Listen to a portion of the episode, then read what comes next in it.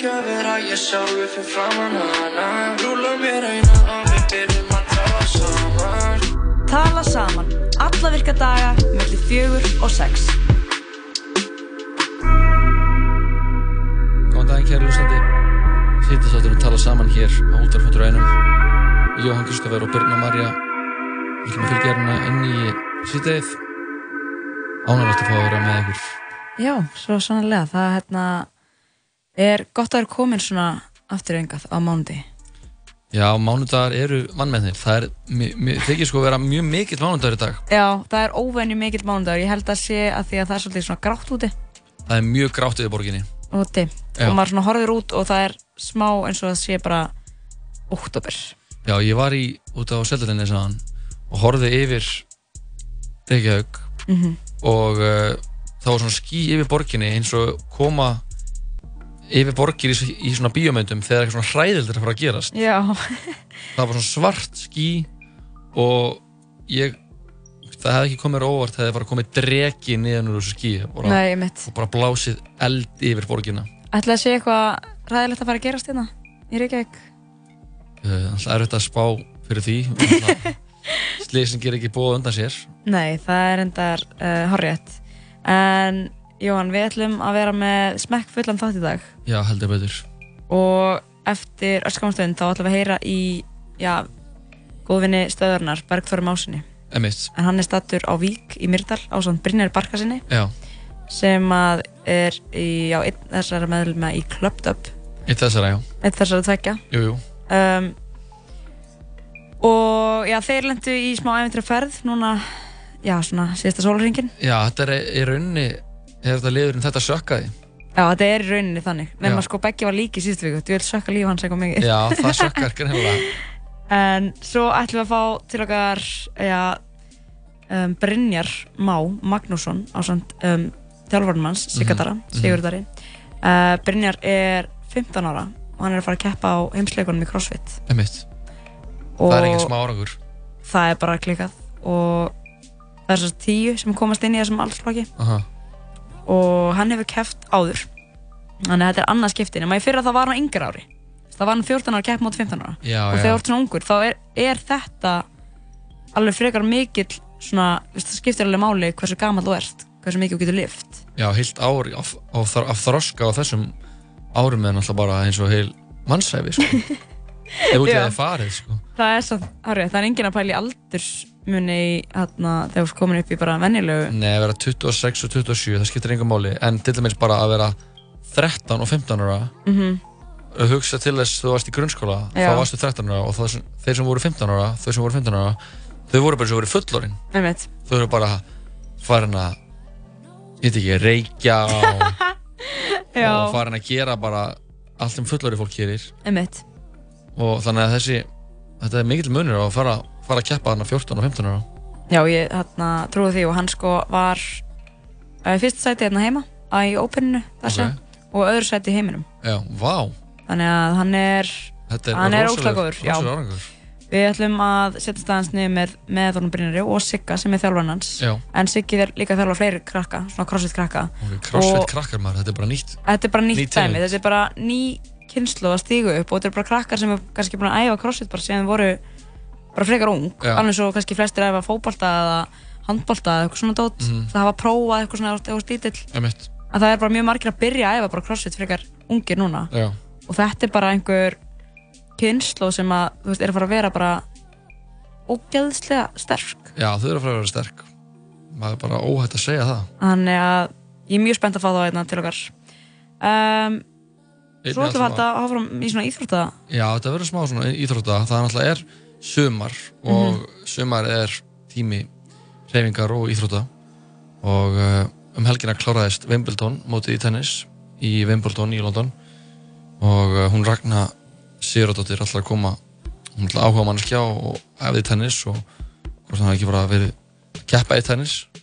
Mhm. hún ætlar að koma og segja hvernig hans frá mótinu og fá, gefa okkur svona smá Já. einsinn inn í þetta. Þetta var vístu rosalega spennandi úrslitaleikurinn þetta var sjúklega spennandi uh, já, að koma með smá svona recap sko, við erum talað um það að ég fyrir þetta að ragna halda partí þegar að um, Wimbledon helgin er Já, ok. með hvítu þema, af því að það má bara vera þarna klæðast hvítu, þú ert að keppa á Wimbledon Má, mátt- já, það má bara verið Það er hvítu. svona, já, þetta er eitthvað svona regla Einmitt, heyrði ég. Já, við kannski spyrjum hana út í þetta aha. en e, þetta verður allavega hörku þáttur og ég held að, já, við kannski fáum bara eitt gott lag til að setja tónin Já, mér langar að spila uh, lag sem kom út núna á föstudaginn.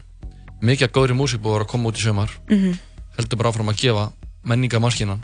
Þetta er nýtt lag frá hljómsveitinni Hjaltalín og lagið heitir Love from 99.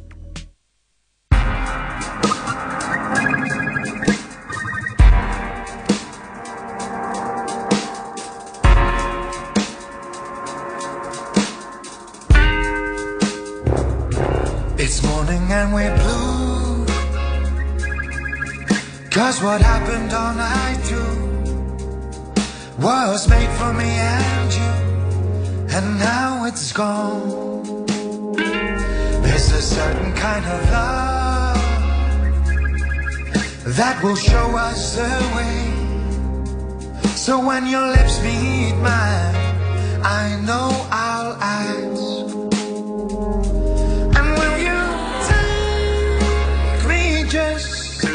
This time? I know I'll find.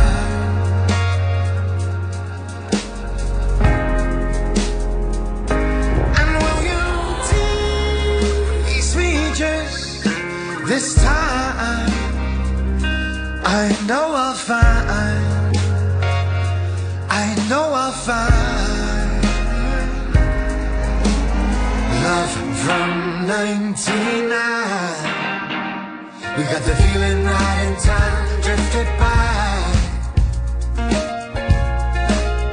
What kind of fool am I to let the world go by and lose another smile? What kind of lips were those who lied with every kiss and now I feel the miss? It's time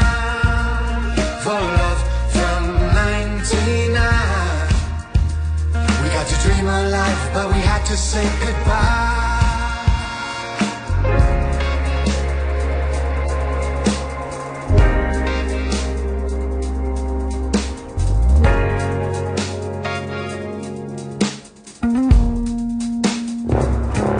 I catch myself awake in the middle of the night. The bed is empty by my side once again. So I travel back in time to another century that was made for you and me, where I say. Love from 99. We got the feeling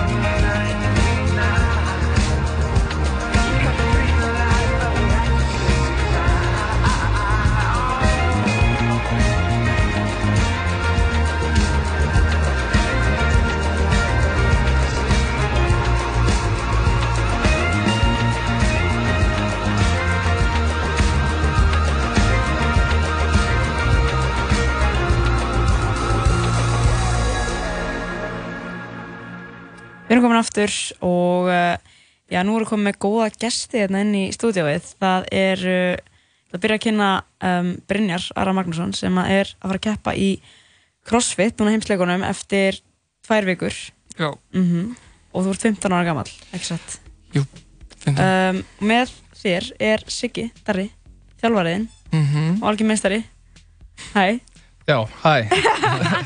takk fyrir Ok. ákveður. Já, verið að fá Takk, takk. Ekki góðir? Jú, mjög ferskir. En þú ert að vera að keppa Brynjar, núna bara 1. ágúst, Yes. CrossFit Games. Já. Hvernig ertu? Bara, þú veist, bara mjög góður, sko.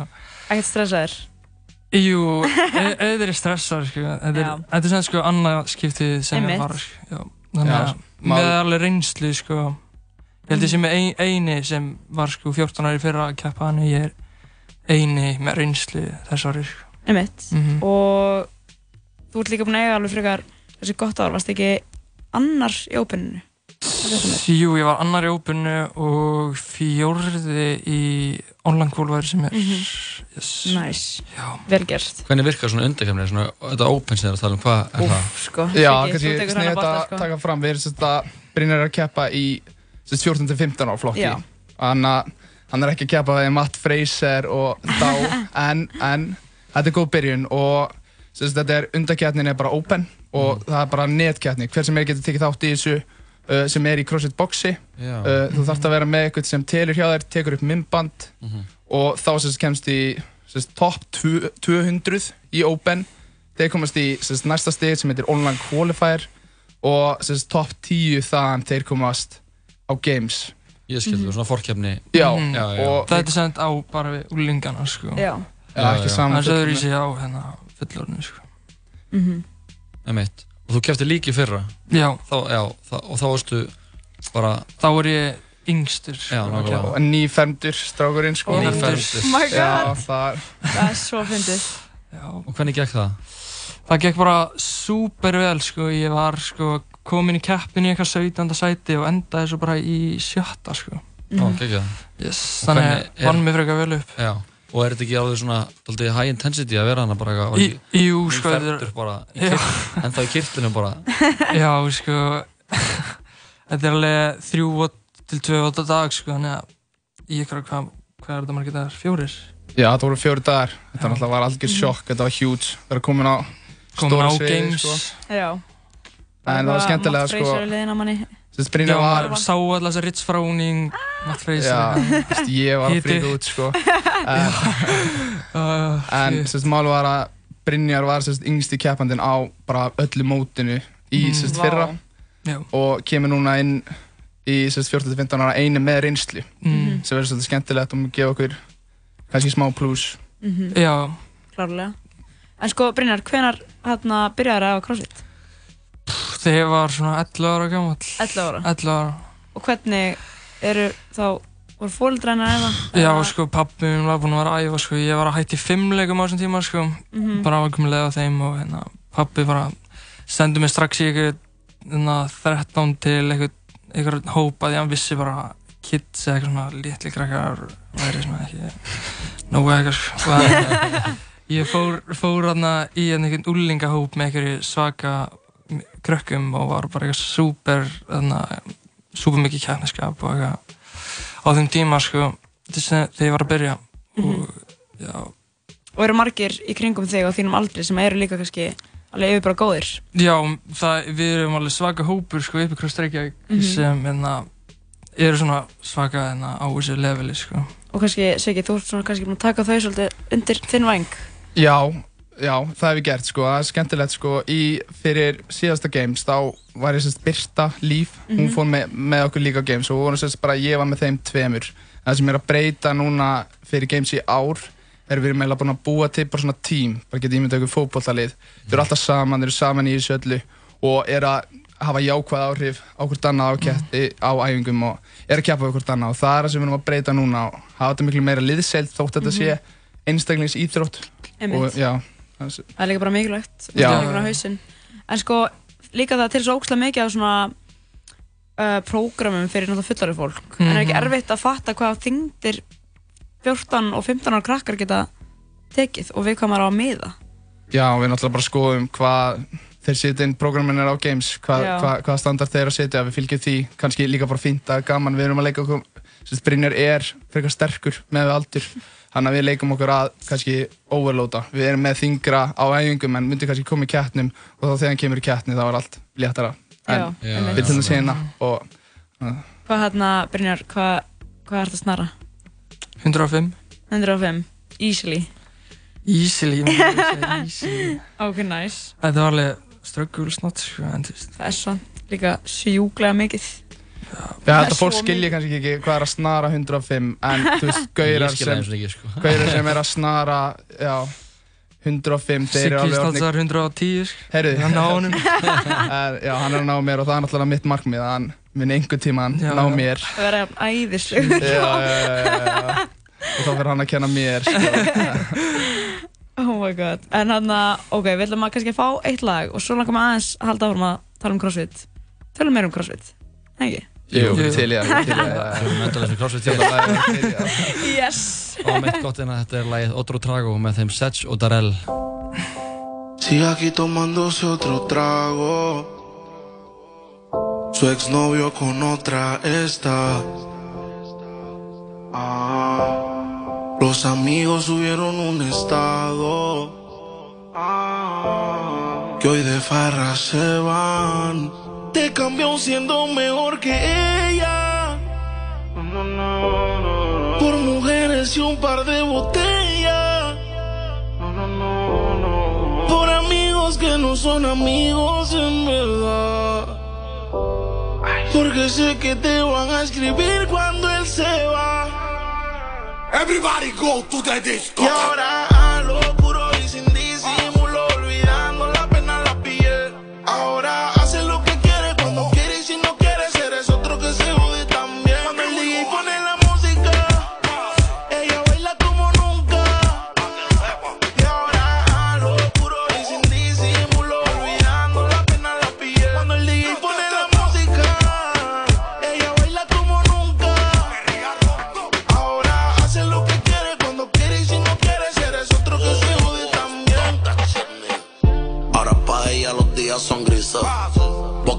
mañanas no son felices. Lo que eran besos ahora son cicatrices. Estás soltera y pa' la calle a que yo te coja. Y te monte en la Mercedes roja. O ya que eso abajo se te moja. Pa' que conmigo te sonroja. Mientras de todo lo malo te despele las maletas. Que hace tiempo que se olvidó de ti. Yo quiero financiarte más, yo quiero darte el peti. Tú tan linda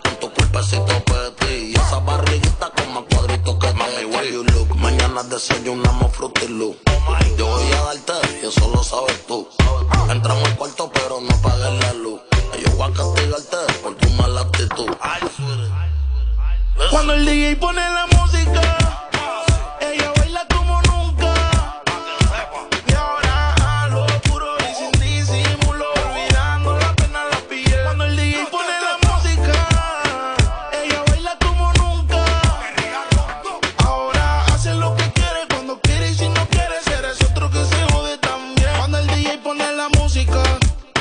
ella se va hasta abajo con toda su gang. Ahora baila, fuma, toma, sola. Llega a la casa y no le dicen nada. Qué vida pa' que nunca se le acabe a ella. Aborracha pero pide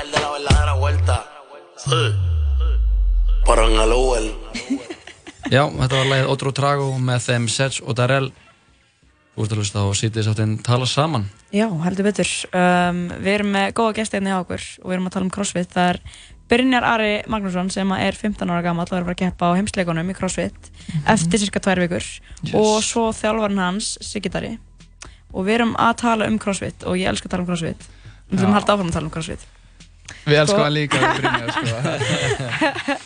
sko, hérna það er búið að vera fokka svo mikið í reglunum núna. Já, í crossfit. Já, um, sko Siggi, ég veit, þú ert örgulega svona, veist, eitthvað meira um þetta kannski en ég. Hvað er að gerast? já, hann mætti segja að þetta er svona tímamót í CrossFit. Uh, CrossFit sem við þekkjum sem búið að vera núna síðan hvað, 2010-2012 búið að vera alltaf sagt, 40 strákar, 40 stelpur. Uh, er, það er bara sagt, Greg Glassman maðurinn sem uh, fann upp á CrossFit er bara búinn að- brjóta þetta upp, þetta er allt í loftinu um, Þetta er sérst, núna eru miklu fleiri en hafa verið í gennum tíðina. Nú eru til dæmis 100, hvað, 150 kallar og 134 stelpur uh, og við erum að tala um að það er klassíska elitan, þau eru aðna hefst og svo erum við líka með bara fólk sem hefur kannski bara pröfað crossfit í smá stund og er bara óvart sérst, best, bestu uh, crossfitarinn í sínu landi. Uh, við erum að tala um það til dæmis í kallátnum, það voru 200.000 manns sem, að kallar sem keftu til þess að komast á games og það er til þess maður sem er í sem sagt, fyrir neðan 150. sæti er, skiljiði, sem er að fara á games Já, skiljiði, Já, þannig að hann á ekki heima þarna. Nei, og sem sagt, fyrsta eventið sem sagt, fyrsta, þetta er mörg event yfir, yfir mótið uh, sem sagt, fyrsta eventið þá mun, mun þau kötta helmingin og það er bara 75 sem fá að halda áfram. Og það gæti verið að einhver úr elitunni sé í þessu neðra kötti og, og fær bara að einu sinni á kæðinskóli og þetta er, fólk er ekki sátt yfir þessu. Er það ekki sátt? Nei, mm. þetta er svona skiptist í hópa. Þú veist, það, það, það veit eða engin neitt sko, hvað þeir, þeir eru að pæla sko. þeir eru ekki búin að þú veist, gefa neitt út cirka þú kom ekki rök eða neitt svo leiðis nei, nei, nei, bara allt í einu bara, þú veist, kom einhver boxrock eitthvað, bara, þú veist, eitthvað crossfit síða sagði þetta allt í einu og þetta var bara svona, Já, svona en málega þú veist það vissi enginn hvort þetta væri Já. satt eða ekki fyrst. Þessar, þessar upplýsingar sem ég er að segja ykkur er, eru upplýsingar sem komum bara úr einu tvíti sem Games tweetaði uh, minn en þremur vikum áður en þetta liðar að fara að keppa Já. þannig að þú veist, ég myndi ykkur fólk sem er að keppa á olimpíuleikunum í sprettleipi það veit bara að það er að fara að keppa í já, en já. þetta er fólk sem bara hvað, helga lífi sínu í þessu sporti æfir allt, allt árið og það veit ekki eins og nákvæmlega hvað það er að fara að gera Nei. þannig að innan við þrjár, þrjár vikur frétta þau að helminguninn er köttaði niður og það er kannski búið að kaupa flum eða að ég veit, já, bara búið að græða allt, búið að gera ráð fyrir að vera að keppa á okkur móti Mhm. og, og á ég hættum með að fá að stiga einu sinna á keppniskólið. Einmitt.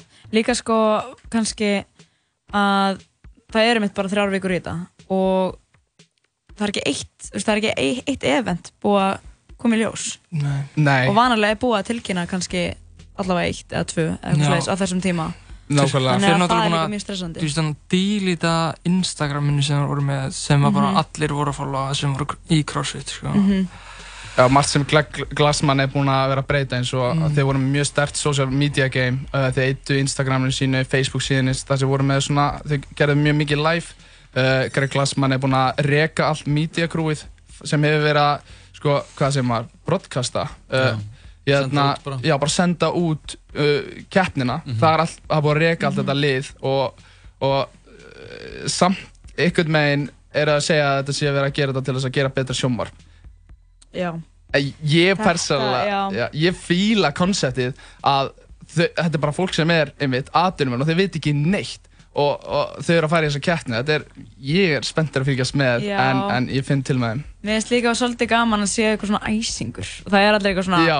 hvað er þið að pæla, þú veist maður sér eitthvað á YouTube og það er allir bara eitthvað svona að ég held að þetta veri eitthvað þetta, eða ég held að þetta veri efni fyrir crossfit, trailer fyrir crossfit myndina eða eitthvað svona, því það Já. er líka gæð mikið ósætti með að koma ekki önnur svona uh, fittest on earth mynd Mm, og nákvæmlega. allt þetta dót þannig að, já, ég hérna, ég fíla smá fólk sé eitthvað svona æsa kannski Æsa veit. Greg Glassman nákvæmlega hvað hann er Já, að gera og hann er bara það, að, sko. að ruggla í þessu liði sko. en sko, um, kannski áður en að ég slepp ykkur sko, ég langar að spyrja hver haldið að topp þrýr í kalla á hvenna í þá venjulega, hvað segir maður, venjulega aldursflokkum þú veist Mér langar eitthvað að Bjöggi takið það sko. Bjöggi fyrir á pódium. Bjöggi Sko, ef það er einhver sem er góðu þegar allt er í rugglinu þá, þá einhvern veginn er Bjöggi heldur haus og hann, hann grændar í gegn. Þannig að Bjöggi fyrir á pódium ár. Uh, Ég ætla að segja Matt Freysir fyrsta miður. sko. Matt Freysir er, er að fara að vinna þetta aftur. Bjöggi Uh, öðru Svo erum við að tala um að hann Patrick Vellner frá Kanada sé að fara að taka þriðasæti Já, það er málið. Bara classic Classic pop uh, Og stelpunnar, hvað það segja, setja fyrsta? Tía. Já, Tía. Tía, uh, Tía, annarsæti. Sara. Sara, ef að gefa, gefa Söri pódium? Já Ok, og, og, og, og þriðja. Hvað finnir ykkur nýjan? Æ, hann að rúkiðin í fyrra, hvað heitir hún? Laura Horvath. Já, hún er góð Hún er mjög góð. Hún er mjög Hún er góð góð. sko Þetta er, þetta er bara mjög fín spá hjá okkur. Ég get alveg verið samanlega okkur að einhver leiti. Já, ég veit ekki betur en ég sé bara líka samanlega þessu. Er þið með eitthvað óskalag? Áður en við... Ég, ég veit það Sko, ekki. Í Brynjar gymminu, veit sko. alltaf hvað hann langar að heyra þegar hann er að æfa Þannig að kannski hann fá að segja óskalæðið Nei, maður, ég veit það Hvað ekki er eitthvað svona peppla sem þú lætur á þegar þú var að koma þér í... Þú veist, ef þetta var áður þú færð, áður þú munt byrja að keppa á leikunum, hvað, Mm, mm, hvað er síðasta lagið sem þú hlustar á? um, Ég Þú, þú, hvað það er, það Chief maður, Svo Keef mikið pressa. Þú elskar Chief Keef og Gucci Mane Og, og Já, allir aðrir í stöðun er að vera brjálaðir. En Já, ég setti frá Enna Rovlings með Chief Keef Rollings með Chief Keef. Ég veit sem ekki hvort það sé eitthvað að súkta þessari Ég er sko þetta er sko, ef það var einhverju stöð þá örgulega þessari. Já, náttúrulega Einn útastöðum sem við spilað Chief Keef fyrir hátti. En hann strákar, takk kærlega fyrir að koma. Brynjar, gangi takk. er óslega vel að hérna, keppa Takk hérlega og uh, ég ætla að fylgjast með þér. Takk Takk, Og takk fyrir vel að hvetja hann áfram og Takk kærlega, ég hann. öskra Endur þú Chief Keef. Yes DP on the beat.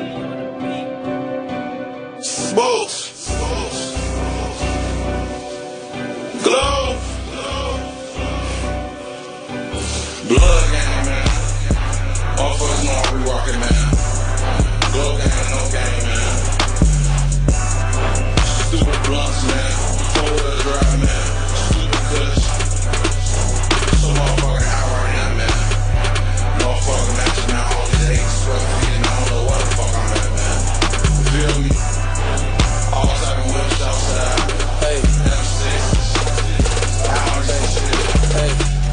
hey, hey, ballin'. Hey, hey, hey, pass me the rock. Hey, hey, so I can ball. Bitches already know that we ball.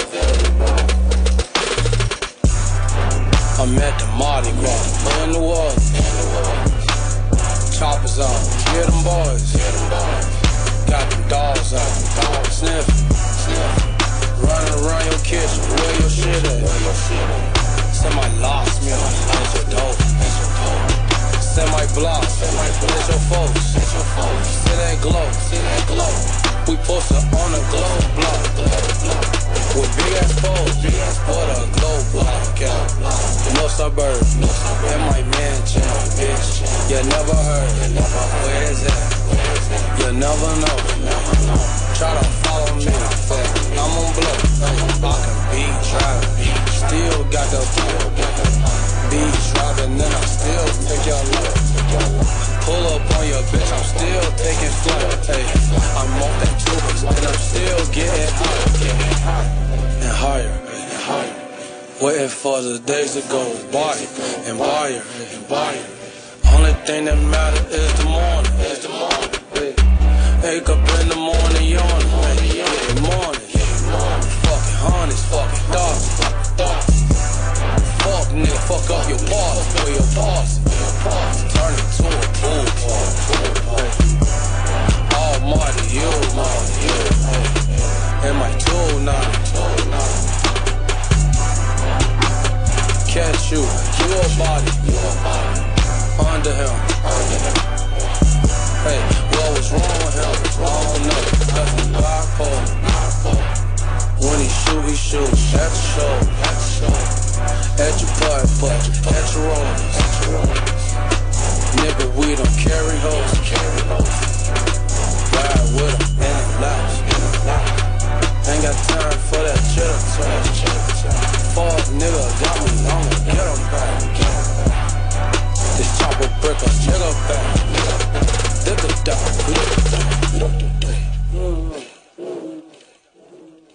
Já, þetta var sjálfsög Chief Keef, lagið uh, Rawlings.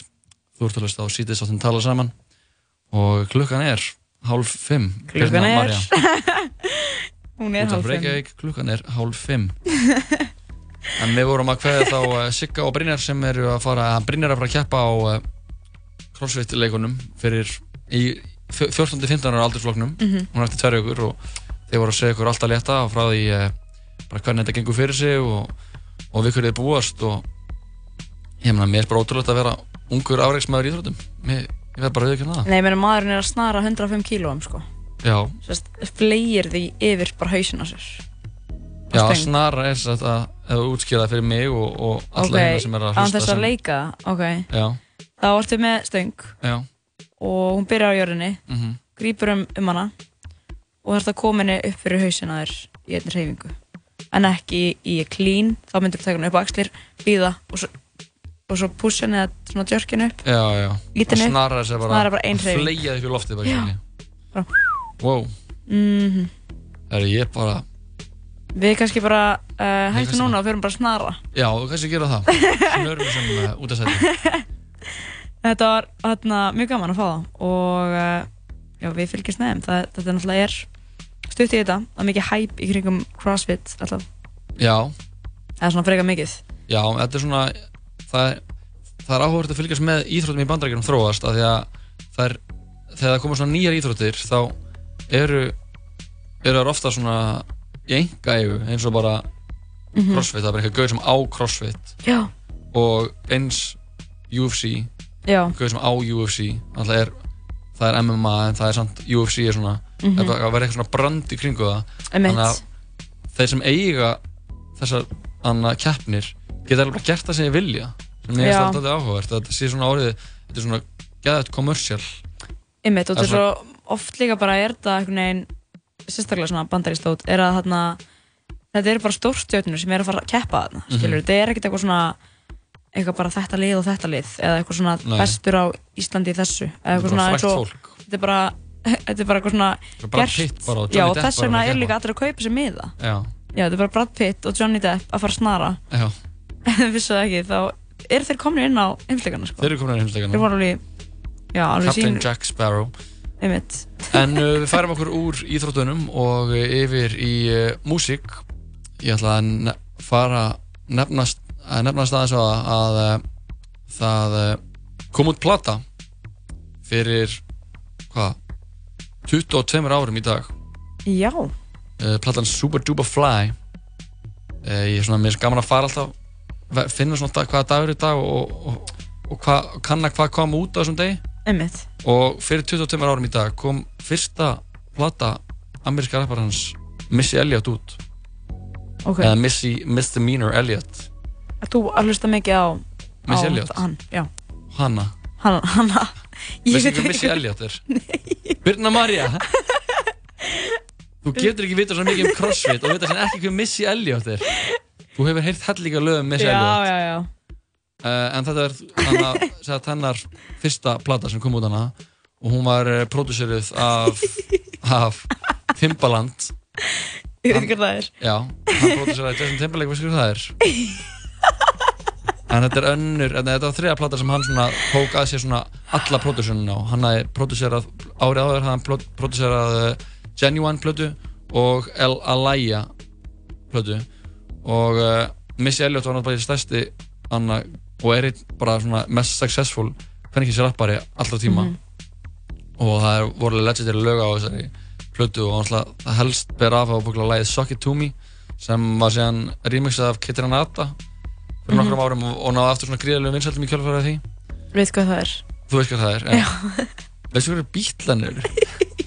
En þessi plata náði alveg sko og fekk er virkilega góða viðtökur og uh, bæði sko hana hennar flæði og hennar svona framist af plötunni og einnig sko pródúsýringin af hendi Timbaland sem þótti svona mjög svona framsækin og svona, þetta var svona framtíðarlegt músík. Mhm. og uh, þetta, hún debuteraði í seti nummið þrjú á Billboard 200 listanum og fór í efsta seti R&B hip-hop listans í Bandaríkjunum og platan seldi sko 1,2 miljónir intaka í bandaríkanum Já. og er þar alveg svona platinum þetta platinum Einmitt. og mér langar bara svona aðeins að- minnast á að það, að það, það var þessi dagur í dag fyrir Hva- 22 árum Hvaða lögur eru frægust á, eins og, er þú svona kannski mest bórlist á þessari plötu? uh, sko To Me er ábyggilega Hvað er anna, það er svona það lag sem svona flestir kannast við og ég hef hlustað á Með henni? já, og, Og ég sé eitt lag þetta sem er One Two Step. já, einmitt, það er Það er geðveitt lag. já, uh, það var ekki á Ég veit alveg hver þið er, skilur, núna. Já, já. Ég var bara ekki að fatta. Ég er bara alltaf ekki að erfa þetta við sko. Ég með, þetta er bara skiljanlegt og þú er náttúrulega bara 97 þá ert þú Já, ég meina, hún er, hún er hérna, 15. júli 97, hvað ert þú gömul þá? ég er ekki til, sko. Nei, þú ert ekki til Ég er ekki komin, eða jú, ég er til inn í maganum á móðum minni. Já, þú ert þar Já, en þær er uh, með þannig, jafn gamlar, sko. Já, mamma er með sér lið Já. Einmitt Gaman að segja frá því. Ég held að við ættum bara að negla okkur í þannig þetta eitt lag að þessari plötu og uh, Jafnvel tvö. Jafnvel tvö, ég held, kannski getum við að spila sko, ég ætla, ég ætla að byrja að spila eitt lag og síðan ætla ég að spila hana remixi sem var svona eða mörgum árum síðar. Uh, Tjekkum á þessu, þetta er söngunan uh, rapparinn Missy Elliott, lagið Suck It To Me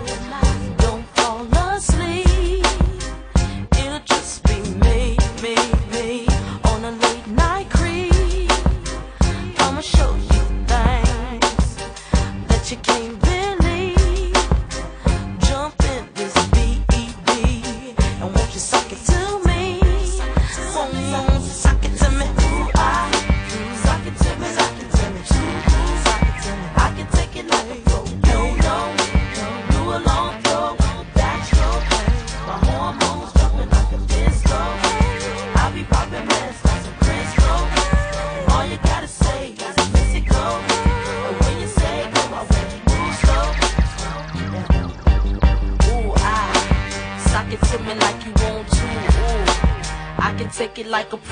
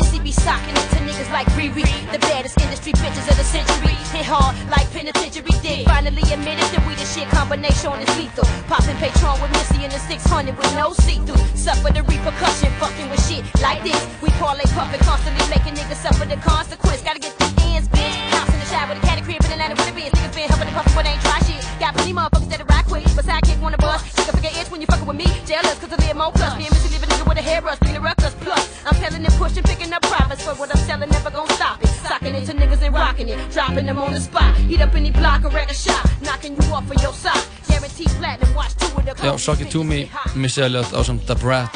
Við erum að, að ræða að þessi plata kom út fyrir 22 árum í dag.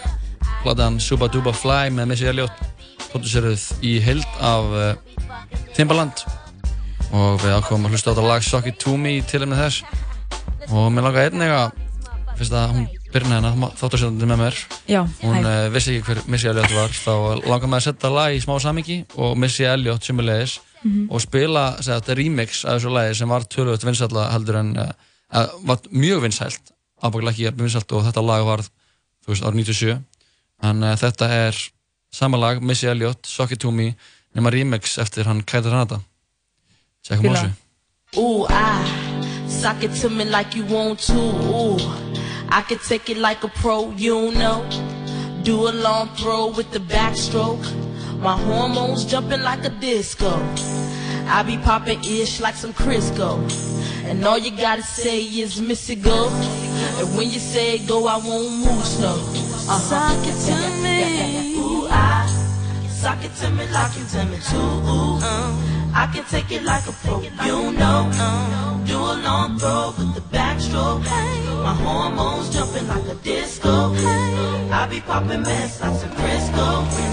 All you gotta say is miss it go. And when you say go, I move slow. No.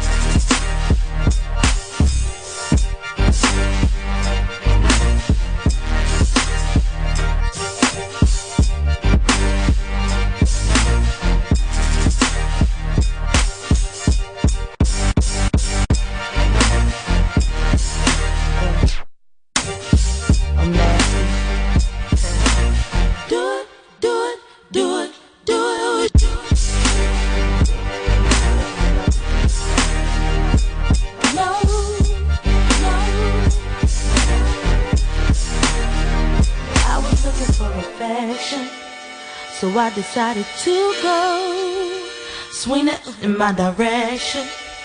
I'll be out of control. Let's take it to perfection. Just you and me. Let's see if you can bring, bring, bring the nasty out of me. Let them suck it, ooh, I suck it to me like you tell me to. Ooh, I can take it like a pro, you know. Uh, Do a long throw with the backstroke. My hormones jumping like a disco. I be popping mess like some Crisco. All you gotta say is miss it go. And when you say go, I won't move slow. slow.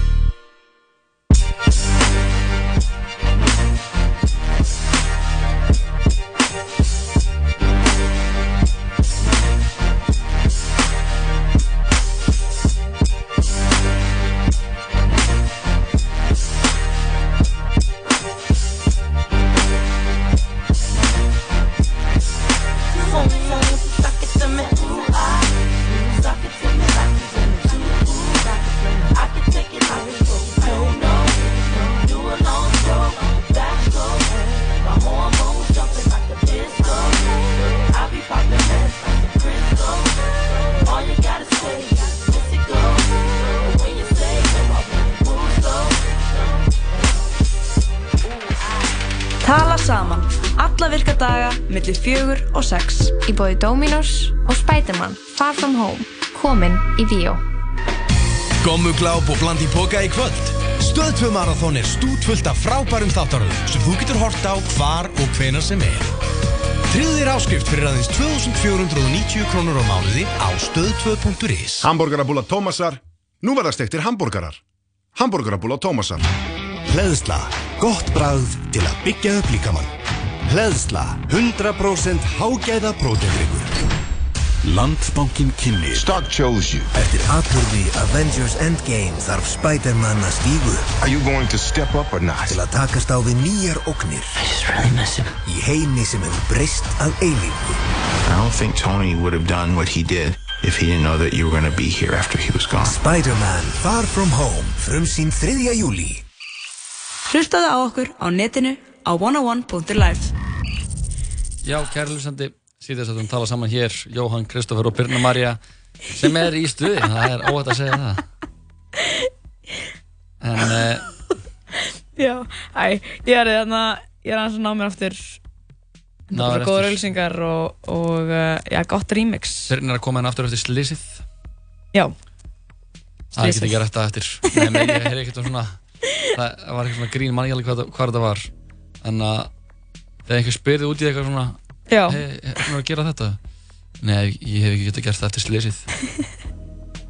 og þá svona, ef þú vilt enda samræður, já. Nei, kemur, á völlin Nei, ég hef ekki getað að fara á völlin síðan eftir slísið Líka færði ekkert spurningu tilbaka því að Nei, fór enginn að vera eitthvað, nú hvað gerðist? Já, mitt, þetta er, þetta er þú fullkomin átt að leið til vita. þess að til þess að, Nice, Þannig fullkomin að- leið til að bara hægt að tala við fólk. Já. Love it. I love it. En uh, það, voru, það eru hræringar í skákheiminum Já Byrna, getur sagt mér frá þessu? Heldum áfram í hérna íþróttunum Mhm. Sko, ok, ánur heldum áfram Já. Skák, er það íþrótt? Uh, já Hugar íþrótt Já, það er hugað íþrótt Er ekki allar Hugarleikur mig. íþróttir hugar? Nei, ég meina þú vart ekki að reyfa þig mikið þegar þú vart í skáki Já, en svona undirstaðan í leikur? íþróttum væri er sterkur hug, Já, það er enda rétt Alveg svo með, er þetta núna þetta hérna að, þú veist, tölvuleikir Sérni svona e-sports. Já, þetta er allt saman, Já. þetta er allt íþróttir. Emitt, en golf? Uh, Nei. Af því að það þarf ekki að gera neitt nefn að slá í kúlu og lappa um. Og það er ógeðislega hann að auðvelt alltaf að hitta svo kúlu. Já Herru, talandi um það áður en við förum út í þessa frétt Sko, það er hann að nýr rappari sem ég sá á, á hann á netinu. Já, uh, sem uh, kalla sig sko Flossi Vaff á bara íslenskur? Já.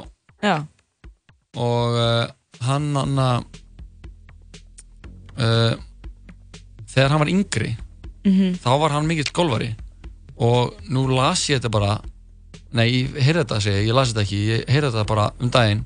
Ég var að að vinur mér að segja frá að þessi þessi ungi rappari þegar sett hann sett einu svona tvær, já, átt ára gamall hafði hann farið sko tvisvar hóli í höggi. Oh my god. Já, Það er hellað. Bara þegar hann að Sem að staðfestir líka bara þetta sem við erum að segja. Já, Að golf sé bara frekar leð nei, ok, ég ætla Nei, ekki ég að segja það Ég er algjörlega að taka þetta tilbaka og ég elska bara að tryggjara fólk sko. Já, þú ert svona trigger, þú ert svona troll. Ah, Ég elska að triggjara golfara En, pældi hvað ekki að vera, þú veist. Hann er núna bara rapparinn Flossi Vaff og er búinn að gefa út eitthvað tvö lög. Uh, En fyrir ekki tvö lögur síðan þá var hann bara 8 ára gammal kilvingur sem hafði tvísvegar farið hól í höggi Það er algjörlega Það eru mjög margir sem spila golf alla æfi og hitta aldrei Nei, hól í höggi sem að spila bara kannski lægið Hóli höggi með Gumma Tóta. Gumma Tóta. Uh, Já, það er náttúrulega margir sem gera það líka. Spila náttúrulega- golf alla æfi en hi- spila aldrei þetta lag. Já, og það. Sko, við hérna snúum okkur í skákheimin.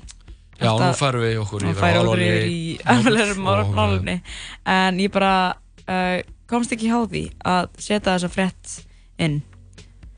Það sem að þetta er eiginlega bara ógeðislega fyndið. En sagt, við erum að tala um það að uh, Já, þetta er inn uh, 58 ára gamli Ígor uh, Rásis eða Já. Ígors Rásis. Ígors Rásis. Sem að er, hvað, hann er sko ógeðslega góður í skáki. Hann Já, er einn af bestu, top 60 í Top heiminum. 60 og það stendur hérna að skákheimurinn hristist þessa dagana, það er allir vittlisir Já, það, það er að sjóða upp úr í algjörlega, já, það er bara Nei, í golf, í pappleiminum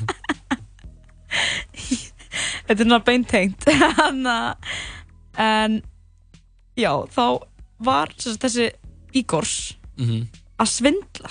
Emitt uh, og þetta er ógæslega fyndið hvernig hann fór að því. Já, það er mjög af því að hann var líka, það náðist mynda á honum. Hann sérst fer sko inn á bað og hann var, að, hann var að keppa í, hann var að keppa. Í skák. Um, hann var að keppa í skák Mhm. og fer svo inn á bað og náttúrulega fyllt inn á baðið væntarlega Jú, og hann hefur ekkert með neitt í vasanum ég bara býst við að það sé alveg svona ágætlega uh, basic reglur þarna skilur bara eins og þetta ekki með síman í prófi. Einmitt og hann hefur greinilega verið búinn að koma fyrir einhverjum síma að inn á baðinu. Eða láta einhvern gera það fyrir sig. Mhm. að því að svo næst mynd á honum uh, á klostinu, hann setur bara þetta með Hann loka setur bara á dollinu á set, já, menn hann setur samt bara að setja hann lokuð sko. Já, samt á dollan. Já dollun, dollun, dollunni. Hann er á dollunni. Doll- lokinu bara. Ok, og hann er í símanum. Mhm. líklega að skoða bara chess eitthvað, chess.com eitthvað svo leiðis Já, og hvað gera skákmenn á netinu? Að þeir fara frá chess.com þetta er bara síðan sem Já. að þið fara inn á. Og hefur verið að skoða hvað hann ætla að gera næst. Mhm. og um, þetta er náttúrulega bara bannað Já, þetta er bannað sko. En eitt sem er bannað samt líka Já, það er náttúrulega bara að taka myndir af fólki á klóstinu uh, já, en sko málið er að hann Igors hann er nú verið stjórnmistari frá því árið 1992 og, og í skák eru þessi svo kallu elóstig sem ég veit ég alveg hver, hvernig er reiknað út Mhm. en hann er með 2686 elóstig og var síðast í 53. seti á heimsistanum hann er lang elstur í hópi bestu skákmanna heims Mhm. og hann er, veist, hann er sjö árum eldri heldur en sá sem er næstur á þessum lista Mhm. uh, það sem þótti grunnsamlegt við framistöðu Ígors við tapsborðið var að hann hafði hækkað sig um 200 elostig á síðustu árum. Hann búin að vera bara með 200 2500 elostig Mhm. í meira en áratug. Já, og það er greinlega bara því að hann er búin að vera að fara inn á dolluna að að svindla, svindla já, og það er svo gott kommentina efsta kommentið á vísi hérna segir hann teldi við páhan og tapaði. Oh my god. Egil Haldursson, shoutout já þetta er alvöru hana íþrótta grín Þetta er, já, sko, einmitt, þetta er mjög fyndið og ég bara vona að alþjóða skáksambandið taki á þessu. Já þú vona það. Og, og síni fólki að svona á maður ekki að gera. gerir bara svindla. úr honum uh, okkar besta. Einmitt, sko, maður getur, en samt sko, þú veist, haldið að maður myndi bara gera þetta. en maður væri bara að keppa í skák Nei. og maður myndi fara á dolluna og svindla. Sorry, ég er að segja í öðrum íþörtum. Já. Þú getur til dæmis að svindlað í fótbolta fótbolta svona. bara ég er alltaf að fara á klósitið allir eitthvað uh, Bara ok. fótbolti.net. það er bara það er bara leikur í gangi gaur og já, ég er að fara sem fyrir hérna fótbolta.net Sakkat fyrir liðir. það er bara það bara hérna fótbolta.net og bara eitthvað mm, uh, já, herru eða bara einhver öðru. Í hvað hva íþróttum hægt er, að- hægt að svindla?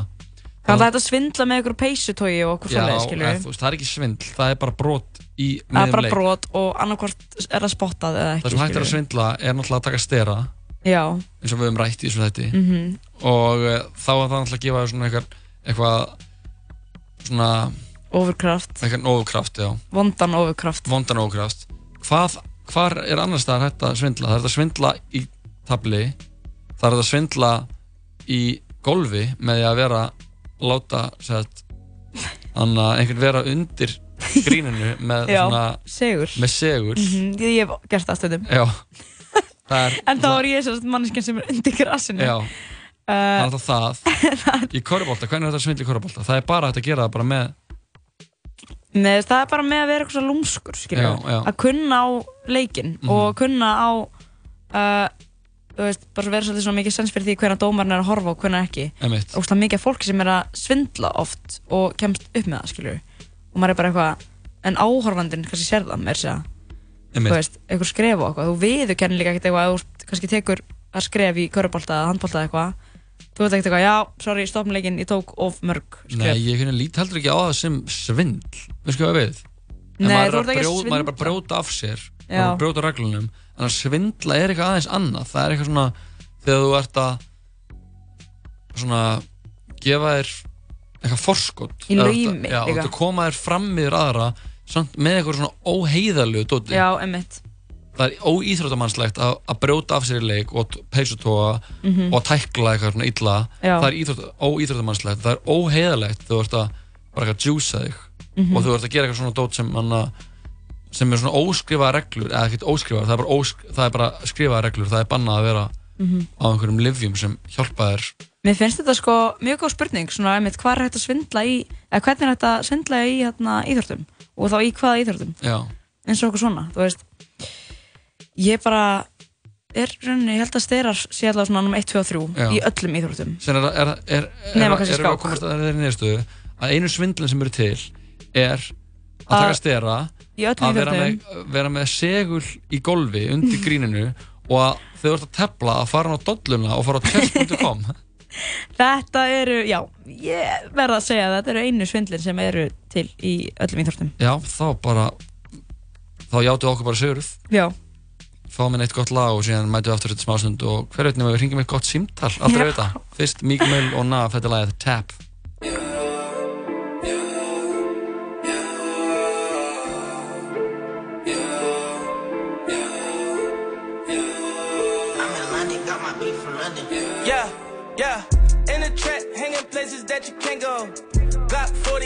40, smoky at a Draco. Thousand nights on that corner eating egg rolls. Bad bitch, Puerto Rican, look like J-Lo. Whoa, they try to extort me, I ain't pedo. Only thing I gave him was a halo. Hey ho, Uber on the way ho. Fuck her front or back, put my thumb all in the a-hole. I got bands for real. Diamonds on me, they dance for real. All these sticks and drums banging like we in a band for real. I got cake, I stay humble, no I'm the man for real. I got hitters, we don't rumble, tell your mans to chill. Yo, who mans is this? All up in my session, Instagram and shit. I be with some real hitters, they ain't with that camera shit. Cause they really out here in the field and they be slamming shit. Tap, tap, tap, tap, tap. Giving head taps, lip tap, tap, taps. They said that they were with it, but it's cap, cap, cap. Aiming at your fitted, push it back, back, back. Whack, whack, whack, whack, whack. One phone call, get you whack, whack, whack. Try to slap me, we gon' let it slap, slap, slap. Cross the line, it's too late, you can't take it back, back, back. They got my brother locked inside a cage. Take them shackles off his feet, he ain't a slave. Grown up in the hood, you learn how to behave. How we gon' learn to stack if we ain't got nothing to say? Got a little bad bitch, got some work done on her butt. Gotta catch another flight as soon as I catch my nut. Just being honest, me was the first to show me love. And the first time that I seen her, Maybach was with cuz. Get these bags, we as well tell our opposites up. Got wedding bands, but I still don't got a bitch to cup. In every city I go, they already know what's up. I got resources, I can get straight to the plug. Tap, tap, tap, tap. Giving head taps, lip tap, tap, taps. They said that they were with it, but it's cap, cap, cap. Aiming at your fitted, push it back, back, back. Whack, whack, whack, whack, whack. One phone call, get you whack, whack, whack. Try to slap me, we gon' let it slap, slap, slap. Cross the line, it's too late, you can't take it back, back, back. Já, þetta var lagið Tap, Meek Mill og Nav Við höldum áfram í topp tónlist hér í Tala Saman Komum eftir þetta smástund með uh, viðtal. En fyrst er það uh, söngvarinn, eða rapparinn Roddy Rich sem uh, er búin að gera það virkilega gott undarfærið Þetta er lag af mixtapinu hans Feed the Streets 2 Lagið heitir Down Below, gjör þessu vel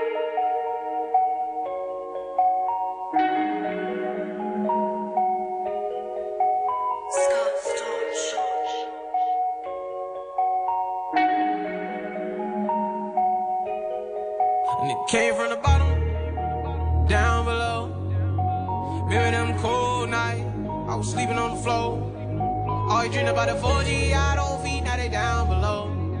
A nigga got so much money on me, I can't count no more. Remember I was in the project wall, couldn't even get along. Now they niggas got their hands out, if I ain't give it, I be wrong. Remember I was in the county jail, none of these bitches wasn't picking up the phone. Now they making my line, a nigga started from the bottom, now I'm living. Early morning, uncle whipping in the kitchen. Some people said I couldn't do it, and I did it. Look at my bank account, I'm running up the digits. I ain't in all that doing, I facade shit. I walk it, I talk it, I live it. Come to the birdhouse, look at the garage, nigga. My Bentley coupe got a couple pigeons. I was down on my ass, had to go a new direction.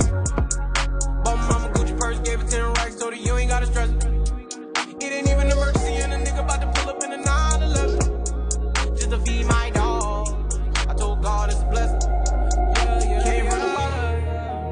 down below. Remember them cold nights, I was sleeping on the floor. All you about the 4G, I don't feed, now they down below. A nigga got so much money on me, I can't count no more. Down below.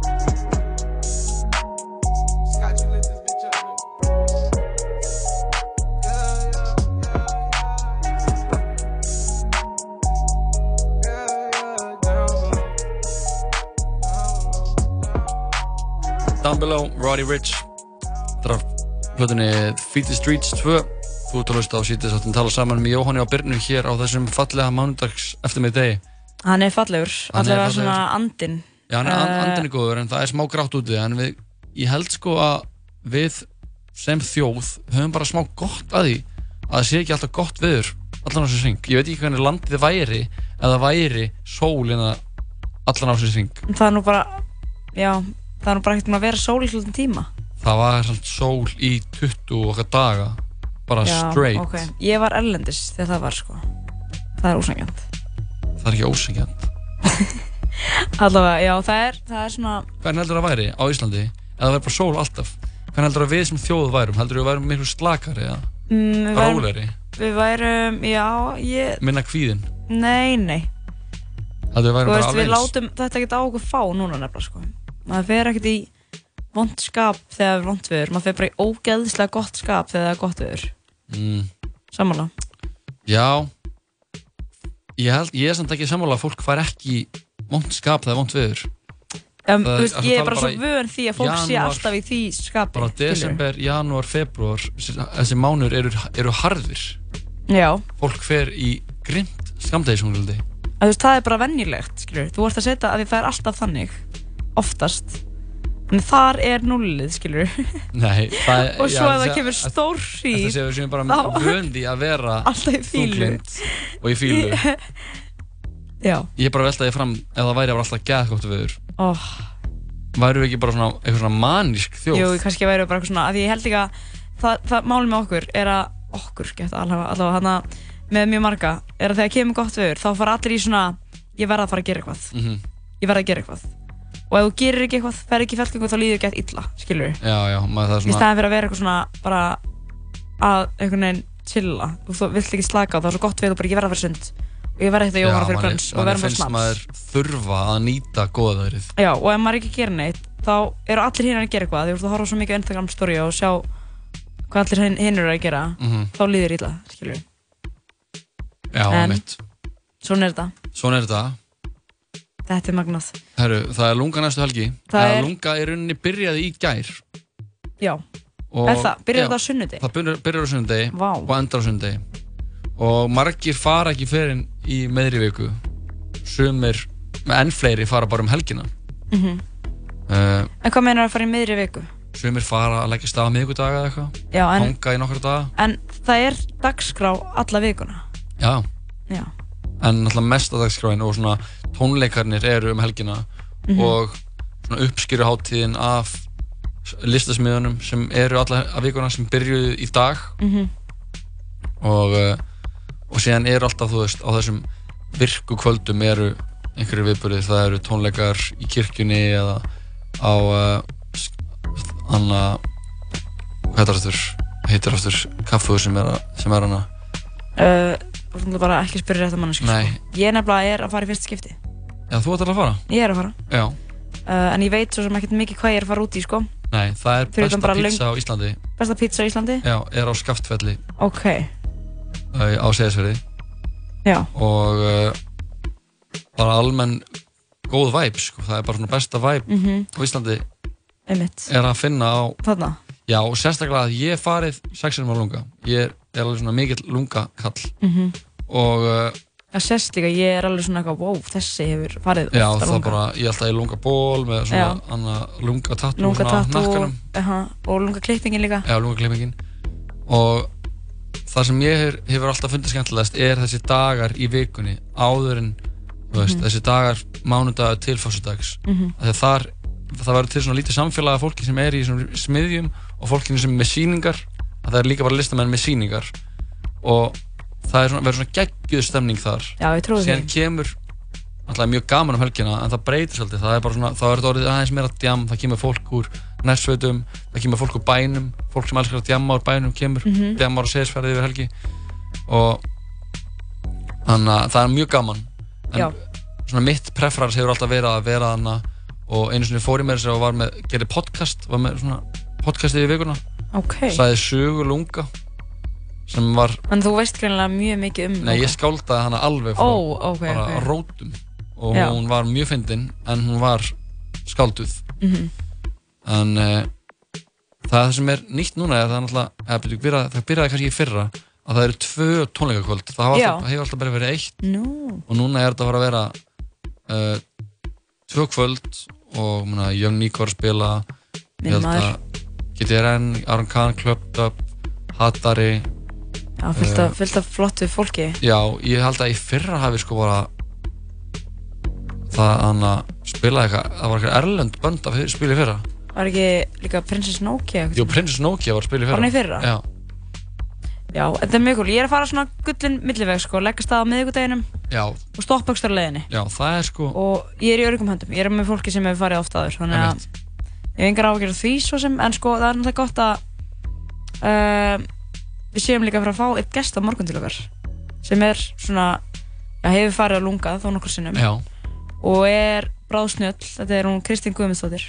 Já, hún ætlar að koma morgun aðeins að mm og svona koma með eitthvað svona tips and tricks eða já, bara svona, svona hvað maður á að gera og hvernig maður á að undirbúa sig. Mhm, mhm. og hún er líka, þú veist, að því að það, veist, ok, hún er svona gæla sem fólk tengir við, Mhm. skilju það er að segja eins og ég en ég er bara eiginlega fáning átt fyrir mig, Já, skilju já, einmitt, svo þú veitir hvað þú er að gera í Já. fó- fótinn þú er að stíga Já.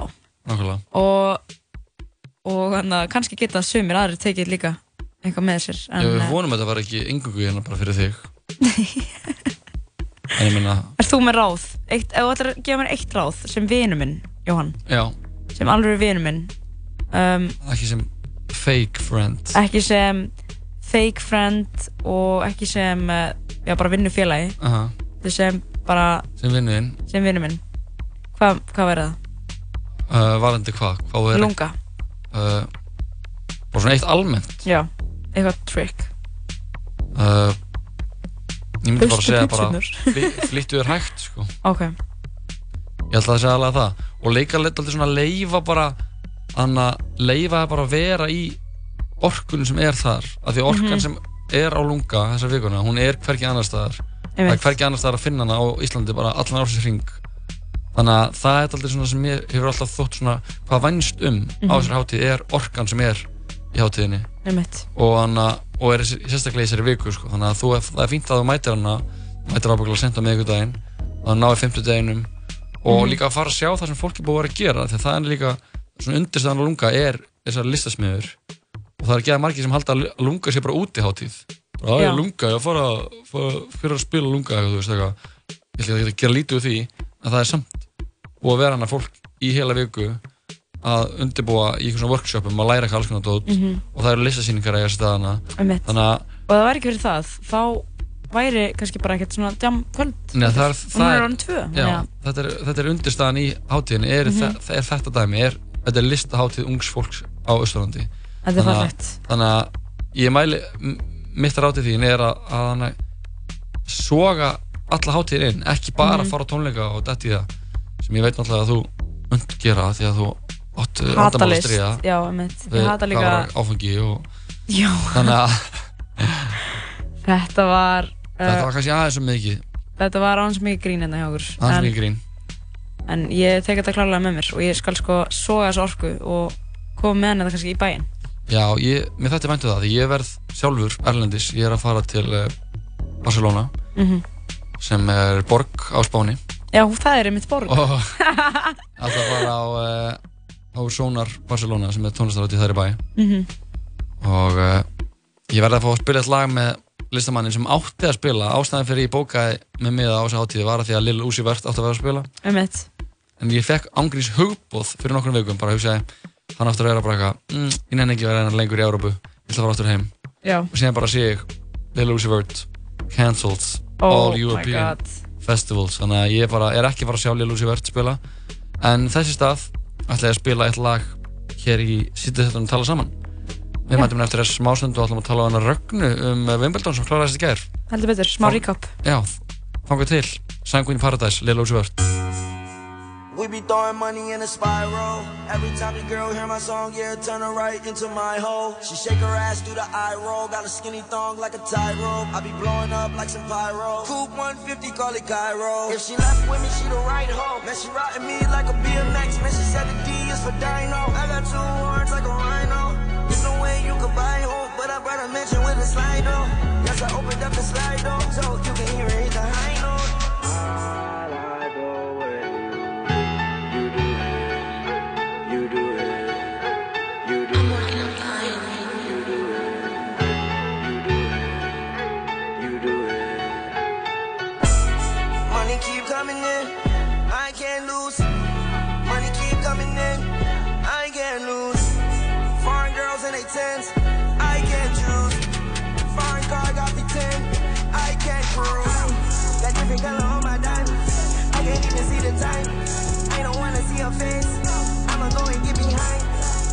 Drop on the red, I'ma make her lose his mind. I just made a hundred K, it was quicker than a vine.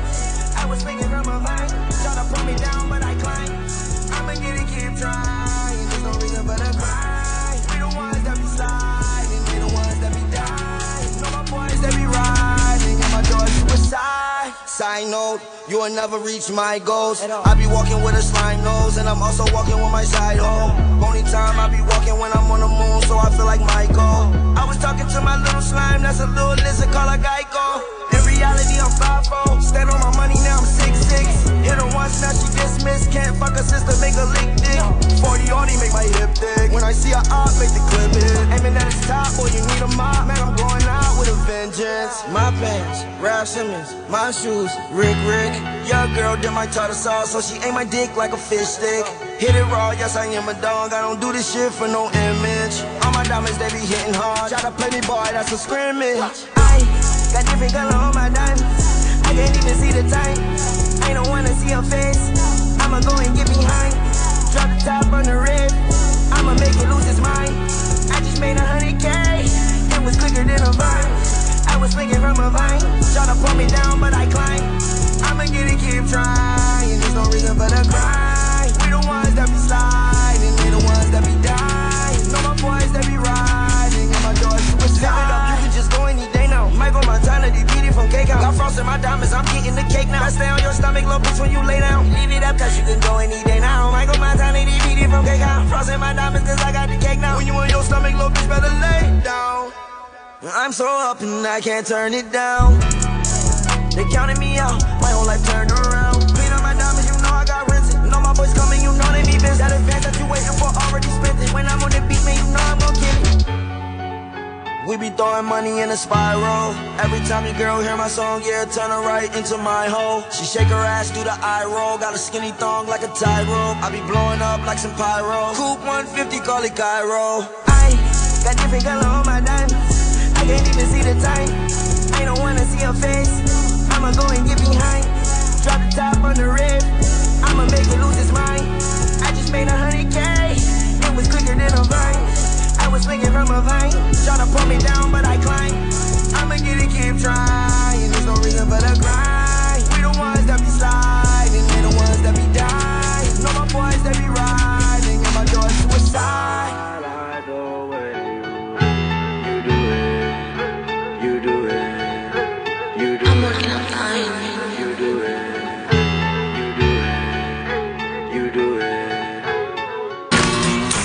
borgari, maribóostur, bacon, laukur, súrar gúrkur, piparmajónes og piparsósa.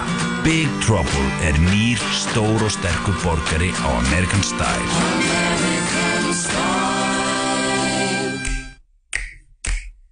Látum bílakaupin smetla. Ergo býður fjölbreytta möguleika í bílafjármögnun.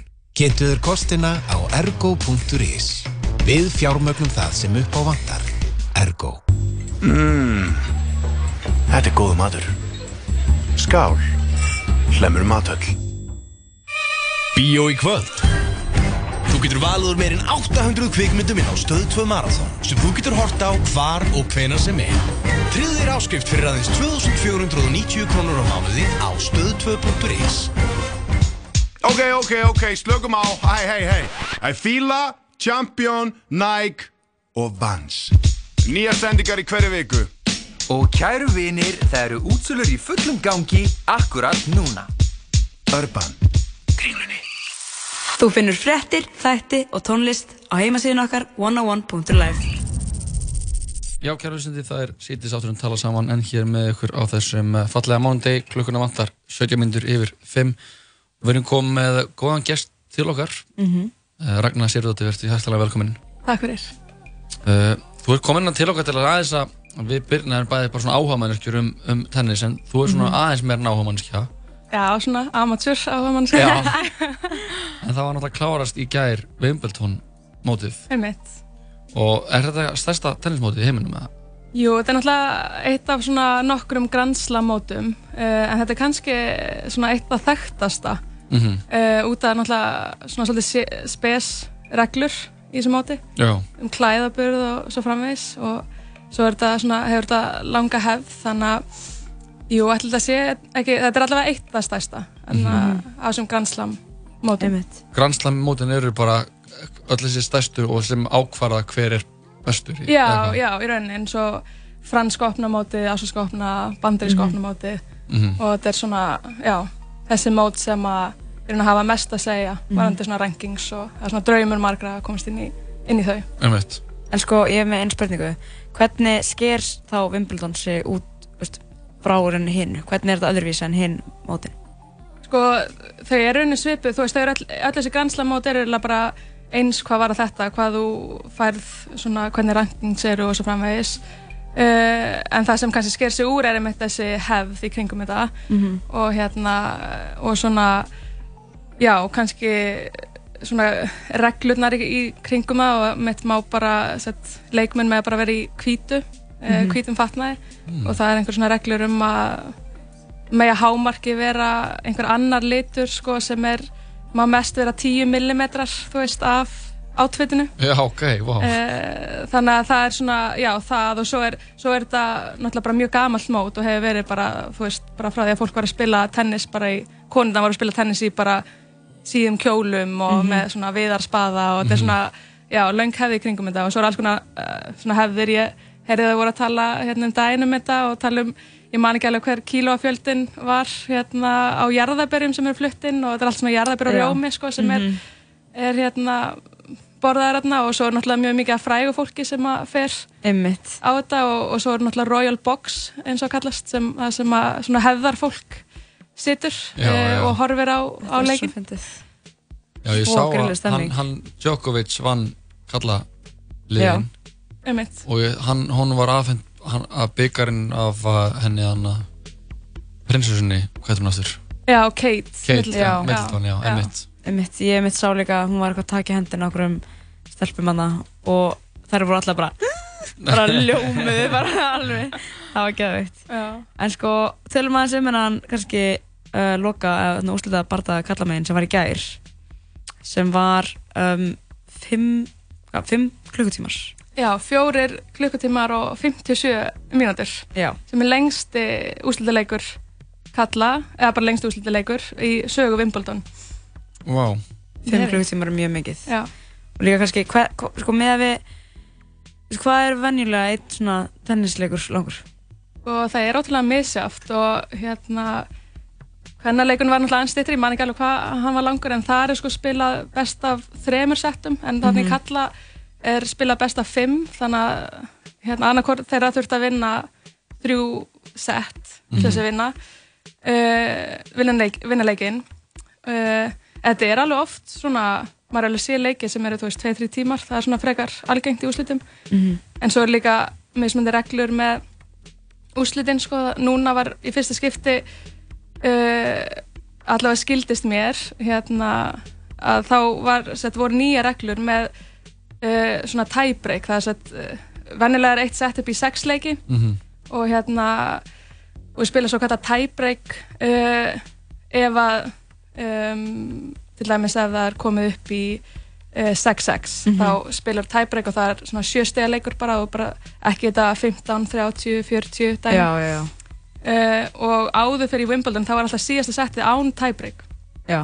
uh, en núna var verið að breyta reglum þannig að er tiebreak eða sett var tiebreak eða var komið upp í 12-12 Mhm. og það kom að því sett í þessum leik að það fór upp í 12-12 og hérna og svo var spilað tiebreak þannig að hann hefði eflaust verið lengri þessi leikur ef að, ef að hérna, þessi regla hefði ekki tekið gildi. Þannig að þetta bara mátti ekki fara lengra í rauninni. Nei, í rauninni ekki. Og það var svolítið áhugavert sko að því að Federer náttúrulega vann í rauninni fleiri stig í þessum leik að því að hann, uh, sko Djokovic vann öll tiebreakin sko.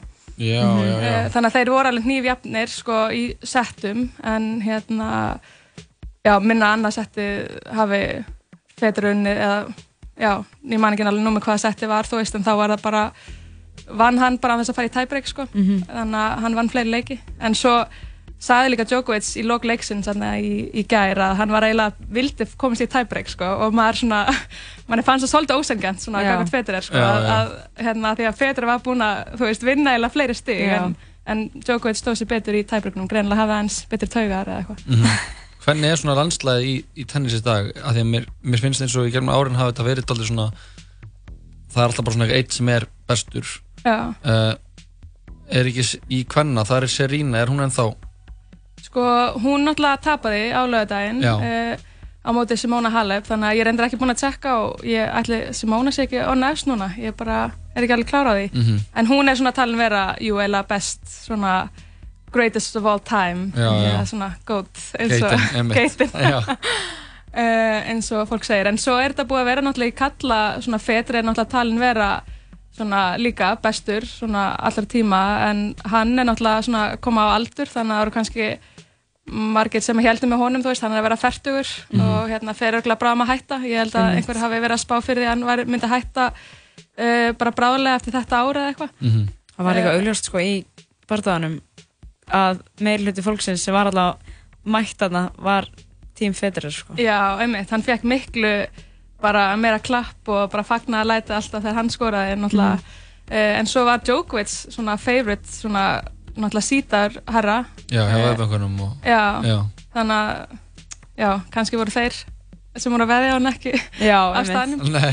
en það er svolítið áhugavert nefnilega því að hann var svona eiginlega að þjálfa sko konga fjölskylduna held ég eða einhver, einhver Sean George eða eitthvað í tennis sko þannig að það var einhver svona, voru einhver pælingar um að þau voru um að þau væri sett kongafjölskyldan þarna í Royal Boxinu væru ekki hlutlaus sko Já, já, já, einmitt. já, sem er svona, fólk eh, leist ekki alveg nóg vel það, svo náttúrulega þurfti Keita að aðfenda Djokovic hérna velun Já. þannig að það er svona já, búið að vera aðeins í, í umræðinu líka Mhm. en hann er svona talin vera bestur í heimi en þeir eru svolítið þessi þrýr Federer, uh, Djokovic og Nadal Mhm. uh, efstir, en yfirleitt gengur einmitt, Federer og Djokovic hafa verið svolítið mikið síðust ára að skipta sá með Wimbledon sko, af því að Mhm. Nadal er meira svona leir gæi þannig að það er svona einmitt mismandi líka hvað undirlag fólk fílar sko eins og Simona Halep sagðist hérna hafa ekkert fílað sett grasvellina Mhm. áður þannig að Nei, það er fólk er misgott á mismunandi undirlögum Já, nákvæmlega. Fólk þarf alveg að vennjast og, og, hérna, og Serena hefur oft talað um að þetta, að þetta Wimbledon sé uppáhaldsmótið hennar. Veit ekki hvort það sé bara stemningin eða grasvellinir eða hvað, en, en einmitt, þetta er svona, kannski á grasvellum svona eins hraðara spil heldur en til dæmis á leir og svona á leir getur maður runni sér aðeins meira og, Já. og eitthvað svona, sko. Þannig að það er þetta stemning að horfa á þetta svona, á svona grasvelli. Já. Og líka sko, einmitt lúkið og þetta þarna svona jarðabæri á rjóma mút sem er í gangi þarna. Það eru allir bara ógeðslega eitthvað svona fínir og þetta er allt bara svona, lítur alveg eins út og þú hefur bara alltaf verið svona einhvern veginn. Og þetta er úrslega flott konsept, finnst mér. Mér finnst það mjög svona fallegt hvað þetta er ennþá að haldast. Svo lengi sem þetta er ekki eitthvað svona, um, svona kjánalegt eða eitthvað svona bitna eitthvað á eitthvað svona astnalega reglur sem að eigi Já. ekki lengur við. En Einmitt. það er svona stemningu. Það er algjör stemning sko og hérna, það hefur svo sem verið drama, ég held að einhvern tímann þá var Serena mitt brjálega því hún mátti ekki vera í einhverju átfiti sko. Já. Það þótti, og var í ofstuttum kjól eða eitthvað svona, en þetta er svolítið svona mikið brest náttúrulega, Mhm. en hérna, mér finnst það vera algjör stemning. Já, þetta er stemning og þú sko, þú líka gengur kannski aðeins lengra með stemninguna en aðrir. Þú helst bara Wimbledon party um helgina, frétti ég. Jú, já. Var það Ég- gaman, Ég er svona, já, er svona, er náttúrulega mörkunum á að vera mjög plebalegt, sko. en, jú, ég er búin að vera að halda þetta síðustu ár og hérna, og einmitt, þá er alltaf, sko, þetta er svona, að margir hafa verið með eitthvað svona all white þema Mhm. og uh, þannig, að ég, já, ég, þetta er búið að vera svona hjá mér síðustu ég fjögur árin eða eitthvað uh, og það sem ég hef haldið og búið heim til mín sett á laugardeginum þegar úrslitin í kvenna eru Mhm.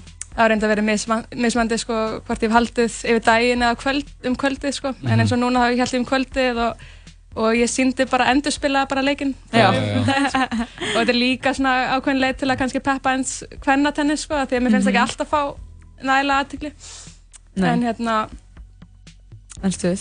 Já. En það var eitthvað í byrjun mótsins þá tapaði Vínus eða ekki Williams að móti einhverju bara einhverju 15 ára stelpu, eða ekki? Jú, þarna Cori Gáf eða Coco, ég veit ekki alveg hvernig maður segir þetta. Hún er, hún er ekki kallið Coco. Coco, jú, og hún heitir það á Instagram, ég er að mitt byrja að follow hana á Instagram. Já. og hún er búin að fá spons frá fyllt aðilum þarna Barilla, pasta og eitthvað svona. Nice. Það var að fyrst ég sá þegar ég byrja að follow hana á Instagram og var með eitthvað story að var eitthvað að heimsækja Barilla verksmiðuna í, oh á Ítali, Parma, Ítali en hérna og sem reyndar gaman að segja frá því að það var einn einn gæi í hérna, stúkunans Federer með svona Barilla dérhúi Já, og hann er sagt líka sponsaður af Barilla þannig að það er, já, Pasta eitthvað svona inn í Líka bara Já, þetta er- pasta og svo Rolex náttúrulega líka, var það ekki aðal einmitt, það er Svona- risa Rolex klukka þarna á vellinum og alltaf rosalega peningar í þessu. Já. Já. þannig að það er svona, já, þetta er áhugavert að þetta kannski, einmitt fær ekki það mikla umfjöllin á Íslandi, sko Nei. en hérna, en þið náttúrulega hafa verið, verið að fjalla um þetta Já, við ætlum bara um Ég- það sem er alltaf að heitast í gangi hverju sinni. það er bara frábært En það er anna, alltaf svona, eins og við tölum, það er alltaf svona er nokkri sem eru bestir alltaf hverju sinni. Er Mhm. þetta svona, hvernig er þetta til og með svo Íslandi núna í tennisnum? Já, það er eiginlega svipu saga, sko, það er alltaf nokkri, það er náttúrulega svo fáur að æfa Einmitt. um, Ég sá að mitt að hérna, Rapp Kumar kom ykkar til ykkar, eða þetta ekki til ykkar en til hérna í morgunútvarpi, Já, já. Musli Já. og hérna hann hefur náttúrulega verið eða sett, var mjög ofta að vinna og, og hérna það eru svona nokkrir í kallaflokki, meistara og nokkrar í kvennaflokki Mhm. uh, margir sem fara út til bandaríkina uh, á styrk og, og, og spila þar og Einmitt. svo er bara Íslandsmót núna á, í ágúst þannig að það verður gaman að sjá hvernig það fer en Ok. hérna svona áður fyrir það var einn hérna Arnar Sigursson sem að ég held að hafi unnið oftar en 20 sinnum Íslandsmeistaratitilin Já, vá. en hann var líka fyrsti Íslandingun til að verða svona atvinnu, eða svona verða pró eða svona Já. fara á líka lista, svona heimslistan sko. Mhm. Já. en hérna þetta er frekar fámennt, ég mitt var setta því að þú sagðir að ég var aðeins með nákvæmar ég var að æfa tennis þegar ég var yngri og ólst þetta upp í bandaríkunum og var að æfa tennis þar og var svona frekar léleg svo kem ég heim og hérna skráði mig eitthvað Íslandsmót mánu eftir að ég flytt heim, ég var bara eitthvað 15 ára og hérna einu lendi ég sko fæ ég brons í þessum Já. mínum aldursflokki og það ok. voru bara fjórar sko Já, já. en ég var samt í þriðasæti þannig að en það er sem alveg gaman líka að maður kynnist alveg einhverju já, maður kynnist þeim sem eru bestir líka og það er náttúrulega mjög góð kvartning sko að fá að spila með þeim sem eru bestir á landinu bara á Mhm. æfingum þannig að En það er, þetta er alveg vaksandi, þannig að Já. það er alveg fullt af yngri krökkum núna sem eru hérna, mjög flottir spilarar, þannig að ég hlakka til að fylgjast með þessu þróast, það verður Mhm. vonandi aðeins fjölmennara. Já, þetta líka bara svo töff íþrótt. Ógeðslega töff. Já, Ég var alltaf að hugsa þetta, þetta er svona klassíst, þetta er bara svona, þetta er bara eitthvað net og alltaf dundurgrann bolta yfir með spaða Já. og þetta er bara ekkert verið að flækja þetta neitt meira. Jú, jú, það er þetta reglum og telja og eitthvað svona, en þetta er bara, Sérstaklega líka að þú ert komið þetta all white Anna, Já. strawberries and cream eitthvað, þú veist, þannig að Já. getur eiginlega ekkert fokkað í þessu sko. Það eru geggar hefur í kringum þetta, sko. En Ragnar, takk kjærlega fyrir komuna, það var bara gæt að fá smá insýn í þetta Já, Við þurfum alltaf að Anna, að að verða fróður um það sem er hana, nýjasta nálinni og, Mhm. og Wimbledon, það er bara það er starf sem var, maður hefði þetta að vera á síðustu helgi Já, Kannski er negla okkur það? næsta ár Eða þú hefur bara verið fyrir utan, það var sko ógeðslega margir bara fyrir utan Já, einmitt. Þannig að höllina. Sáuð þið vídeo af Woody Haraldsson að vera neita aðgangur í sætið sitt? Nei. Woody Haraldsson var á einhverjum úrslutaleik og hann var svo blekar og svona vídeoðan þar sem var, var verið eitthvað svona verið að hafna honum inngöngu. Og hann stóð svona ekki að skuffa þessu eitthvað fekk sér sopa einhverjum pela. Ó, ég sá bara að David Beckham var mættur sko. Já, er að sálsögum mættur. Ó, já, já. Ragnar, takk fyrir komuna. Takk fyrir mig.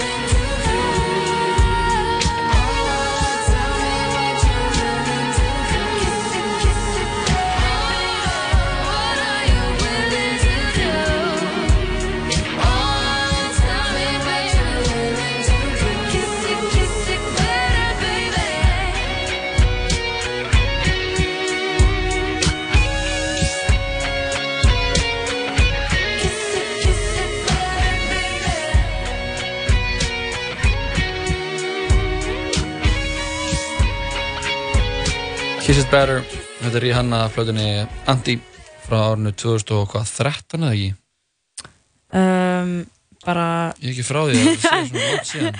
Ég eitthvað, 2016, nei ok, rólegur. Rólegur ekki hann En uh, við þökkum henni Rögnu Sýrðóttir kella fyrir kominu, hún var að segja okkur frá uh, Wimbledon mótunum Já. sem kláraðist núna um helgina. Sem er bara mæli með að fylgjast með Dennis sko, sérstaklega þessu móti. Já, þetta er svo dönnuð íþrótt. Dennað, já þetta er þarna en er það ekki bara þetta móti það? Nú veit ég ekkert sko Nei, mér finnst bara eitthvað dannað við að vera uh, hvað þetta er einfalt það Já. er bara net En spaði. ógeðslega erfitt Já, og síðan ertu bara með svona, það er svo dannað líka að vera bara í stupusum, stuttunarból og með, eh, Með bandið. band um hausinn og kræ, þú veist það er líka kræja á bólnum Já, og í tennisskóm líka, tennisskóurinn þeir eru ógeðslega flottir Já, sérstaklega, mér finnst bara mjög cool að þið séu í alveg í svona þú veist, öllu hvítu. Eða að það væri öllu eitthvað svona einhver outfitin Já. þú veist, þau eru ógeðslega flott outfit. En sko, já, þetta er alveg frekar annað. En þetta er sjúklega erfitt, ég hef eitthvað tíma prófað og ég var bara að þetta er ekkert mál. Mhm. Og þetta er svo mikill að boltin er að koma svo miklum hraða, Já, miklum krafti. grínast, að bara svo- taka við honum og alltaf dundar honum tilbaka það er hérna, er alveg sjúklega erfitt. Já, menn að fólk heldur að ég hef oft heyrt fólk ekki svona, já, tennis, það er ekkert mál Mhm. og síðan er þetta bara, já, ok, síðan bara þarftu að taka á móti uppgjöf sem boltin er bara að fara á 150 km hraða. Já, einmitt. Og allar eitthvað að segja að það sé bara eitthvað auðvelt? Bæðið sko að hlaupa, ná boltanum og geta verið með styrkin í höndinni til þess að berja hann tilbaka, þetta er bara ótrúlega erfitt. Þetta er mjög erfitt. Þetta er ekki eins og badminton, badminton, það er hins vegar auðvelt.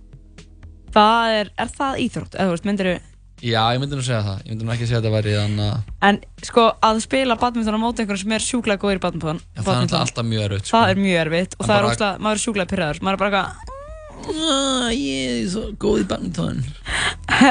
En að koma flugunni yfir Já. er tölvöld auðvöldara heldur en að koma boltanum yfir. Mm og líka lúka pró já, að lúka pró að lúka pró í badminton á móti einhverjum það er auðvelt, en að vera á móti einhverjum sem er óslega góður og æfir badminton alla daga Já, ég hef reynd að vera góður í badminton.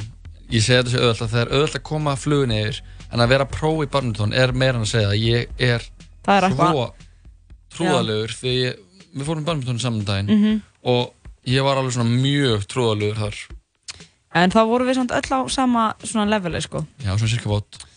uh, já, En það er komið að öðru lagi.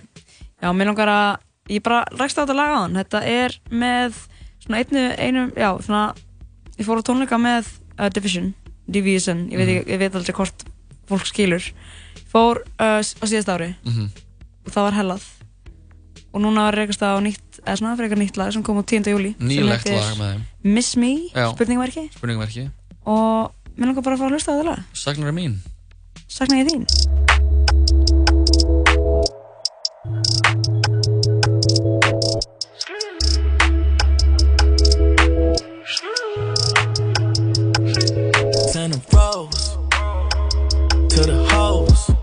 Let them know I'm gone.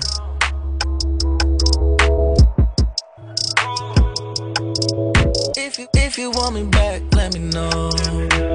This time I won't keep it on the low. I wrote this cause you won't pick up the phone. Don't say nothing, girl, just sing along. If you miss me,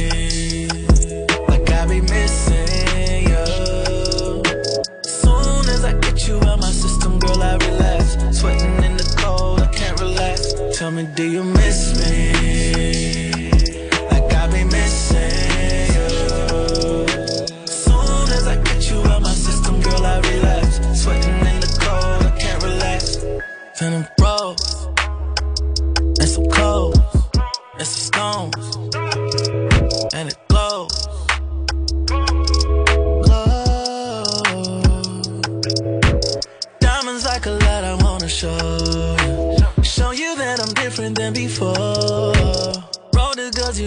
Up the phone.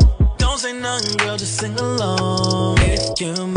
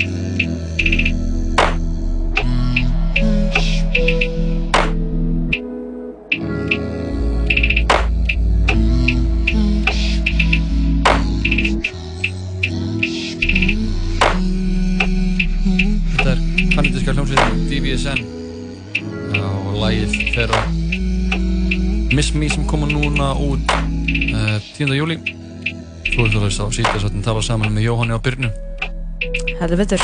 Það eh, er mánudagur Við erum að tala um það að það er bara að fara að líða Það er bara júli er hálnaður Byrna, hvað segir það? Hvað segi ég um það? Já. Það er bara hvað, það er frekar klikkað. Eða þú veist, já, það er bara mjög klikkað.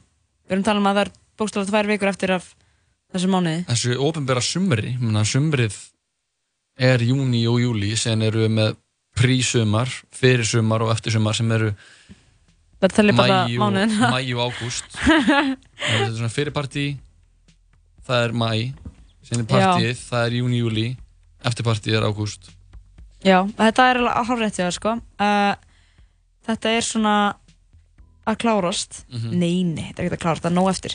Það er málega sumarið hérna er oft bara alveg þangur til að ágúst er búinn sko. Það er endur alveg fálega búndur Það er bara laga búndur, takk fyrir mig, já. það er bara það og eh, við viljum þakka fyrir okkur í dag En eins og við lofum rauninni hérna upp að þáttar að þá ætlum við að heyra í já, tveimur uh, félagum sem eru fastir á Vík. Já, við ætlum að vera með okkar vikulega lið Þetta sökkar, þar sem við tölum með eitthvað sem segir frá einhver svona mishefnuði eitthvað svona sem fór, Mhm.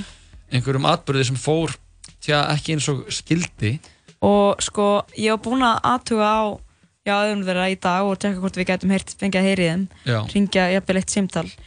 En ég, sko, eins og staðan er núna, þá sé ég bara, þeir eru að svara mér hérna og vandræðin eru orðin meira en þau voru í morgun. Já, þannig að við verðum sko þeir eru ennþá okkur stúsast þeir eru núna, það er eitthvað að fara að segja eitthvað dekk uh, annar þurfti að fara á puttanum einhvert. Að að einhverju franski túristar að sækja neða eitthvað keiran einhvers staðar. Einmitt. og svo er dekki felgraust og ég veit ekki hvað og hvað. Ég hérna, Þetta er rauninni ekki þetta sökkaði, heldur er þetta sökkar. Já þetta sökkar. Í beinni. Og við verðum eiginlega að uh, ég, ég, bara, ég held að þeir muni ekki vera tilbúinir að fá þetta símtal núna. Nei, þannig Ég- við kannski reynum að heyra um frekar á morgun þá er kannski Já, aðeins við með átt að sjá tökum hlutunum. status aðeins, en það sem er búið að gerast að þeir uh, örðu þannig að vinnur okkar tveir þannig að Bergþór Másson og Brian Barkarsson Já. örðu uh, sp- sprakka á hjá þeim já, á einhvers staðar í kringum Höfn eða ekki, nei, þeir eru í Vík já, Vík í, kring- Mýrdal.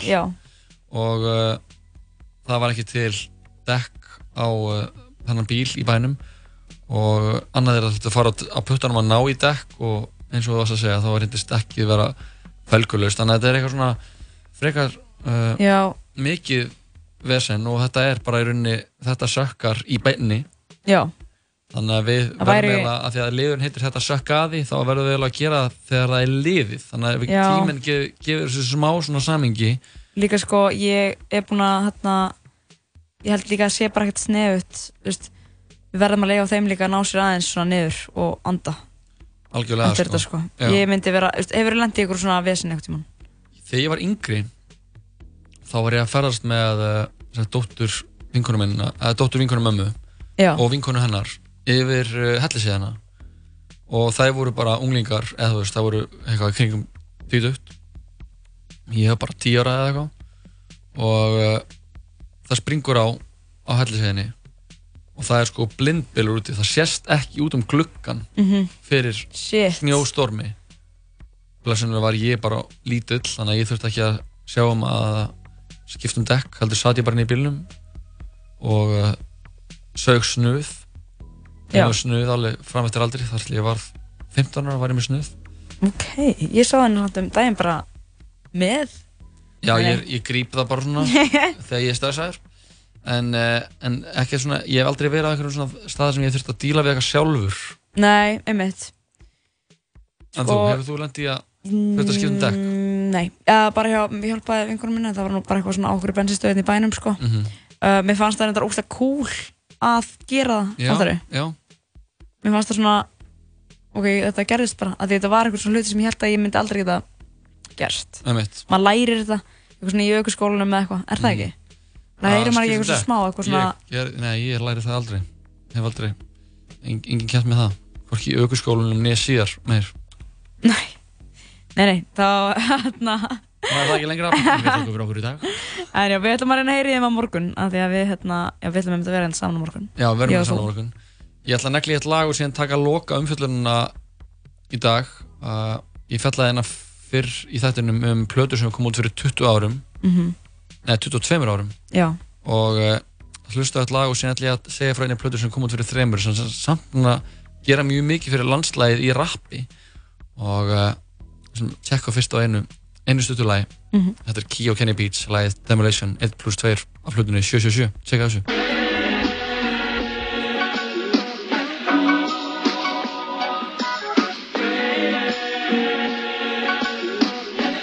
Oh, get it. Hey, please don't worry, let me. Hey, run inside your shit, I need a SP. No scantron, no test me. Hey, self fence, no wrestling. Uh, book a seater on the nigga here. Uh, I make money disappear. Uh, back up, camera, see me in the rear. Uh, back up, everything you lack. Uh, hey, Will Smith, Jada Pinkett, act up. Uh, we ain't swap, but it get tactical. Feeling like a Wayne card. Hey, child star. Hey, I been that nigga for forever. Look what don't look now. They getting nervous. Huh.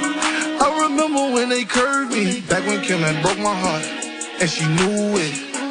I got way too high and almost blew it. Walking the mall and throw my shoes in the trash can. I got them rap checks and spent it with man man. Hey, he fell in love with them damn hands. I fell in love with a white girl. I know that she don't like me back. Young kid, I need a Nike check. Police tryna indict me, yeah. Record T tryna bite me, yeah. There is no one like me, yeah. Let the choir sing. Ooh, stop me but me. Hey, trust me, three sevens lucky. Hey, gluttony, that mean I want everything. Almost bought a diamond chain, but I got too high. And I almost died, but you know a nigga got by. Almost touched the ground, but I'm way too fly. Yeah, you shining like a chandelier. Niggas hate when I appear. Please don't worry, let me. Hey, run inside the shit, I need a SP. No scantron, no test me. Hey, self defense, no wrestling. Uh, book a seater on the nigga here. Uh, I make money disappear. Uh, back up, camera, see me in the rear. Uh, back up, everything you lack. Uh. Man, I see you lifeless. Why like it like this? Please be the fake me. If I was you, I would hate me. Ooh.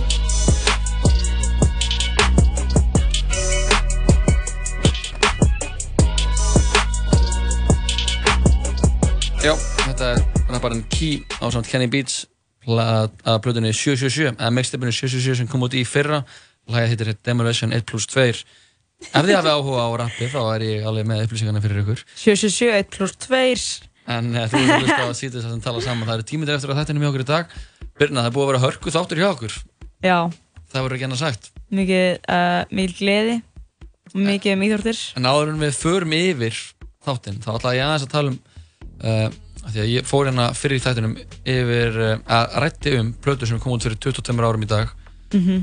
platan uh, Super Duper Fly með, Ah, super duper með Missy Elliot sem við komast að því að þú vissir ekki hver var mér, mér er þetta mikill að furðu af því að ég er einhvern veginn já, svona eru tímanir en fyrir þreymur árum í dag árið 2016 fimm- uh, 15. júli þá kom út plata með rappara sem ég held þú ættir að kannast við þetta Mhm. er uh, gæði sem kallar sig uh, 21 Savage Já, jú, jú. heitir hann eftir nafni uh, Shea bin Aha hann heitir Shea, Shea bin Abraham Joseph frekar eða nafn en uh, gengur undir nafninu 21 Savage og uh, Hann er breskur. já, hann er, er fættur á, uh, í London Mhm. Og það náttúrulega kom upp uh, mál þar sem hann var tekinn af ICE sem er mm -hmm. að innflýnda stofnum bandaríkjana sem er, er að fullarinn að gera landið hvít aftur eins og Trump vill, grannlega uh, en hann gefur út sitt fyrsta mixtape, The Slaughter Tape ári áður, árið 2015 og uh, það vekur svona aðtikli í hip-hop samfélaginu og síðan kemur árið síðar þetta verkefni sem heitir uh, þetta, þetta mixtape, eða plata sem heitir Savage Mode Mhm.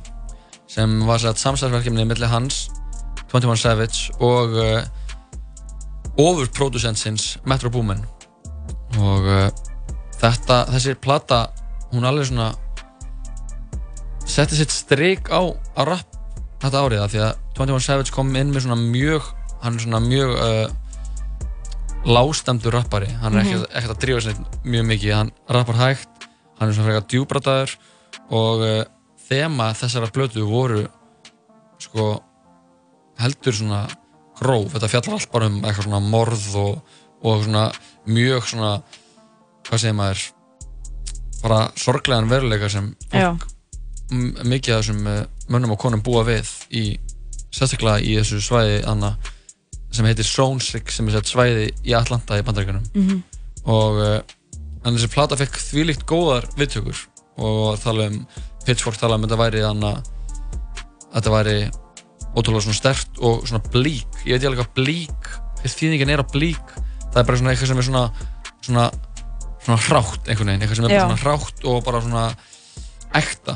Mhm. þetta væri hann svona hráasta og, og svona sterkasta verk. Og hann og henni var pródusýringin sem hann Metro Boomin ljáði plötunni. Henni gefin mjög gott skil og, og mikið sko bara byrja í báða lóa af því að þetta var þetta er ótrúlega flott pródusýring sko. Hann er svona mm lágstemt en samt einhvern veginn svona skýr hann alveg í gegn sko. Og Complex talaði um að þetta væri sko svona lítið meistarverk í hljóðhönnun þessi Mhm. plata. Og alltaf er búið mjög mikið búið að gerast. Þetta var svona, þetta var var mixtape sem sko alveg stimplaði 21 Savage inn sem einn af sterkustu rötturum í rappi í dag Mhm. og til vitni sem það var valdi Rolling Stone uh, árið 2016 Savage Mode sem eina af bestu rappverkefnum ásins Já. og uh, ég hlustaði ótrúlega mikið á þetta project, á þessa plötu Mhm. og uh, mér finnst bara gaman að geta gefið henni svona smá skil hérna, gefið henni smá moment hérna í, Áttu, áttu þér hérna uppáhaldslag á plötunni það? af uh, Savage Mode á ég mér uppáðslag Já. það er lagið No Heart Mhm. sem ég hlustaði svona mest á síðan er náttúrulega geggja lag líka X með Future No Advance, þetta er, þetta er alveg bara allt geggjulög Mhm. en mér langar að spila þetta lag No Heart áður en við uh, fæðum í dag Mhm. Og uh, ég þakka fyrir þáttum Birna við Anna Við vorum það saman. við vorum hérna saman og fengum til okkar Ragnu Sigurðardóttur sem talaði hérna um Wimbledon sem klárast um helgina Einmitt. fengum Sigga Darra og Brynjar uh, Brynjar Má. Brynjar Má að, sem Brynjar Má er að fara að keppa í unglingaflokki á CrossFit leikunum núna bara eftir tvær vikur Einmitt. og uh, fórum yfir allt það helsta Einmitt. Fórum við hvernig maður á að svindla í íþórtum. hvernig var svindli í íþróttum, hvað maður á að gera lunga Alltaf venjulega. allt þetta venjulega við endum þetta á uh, Savage 21 Savage Savage Mode mixtapeið með þeim uh, Metro Boomin og 21 Savage kom út fyrir þreymar árum í dag Mhm. við fagnum því og hlustum á þetta lag af plötunni þetta er 21 Savage, lagið heitir No Heart við þakkum fyrir okkur í dag, við aftur á sama tíma á morgun Heldur betur.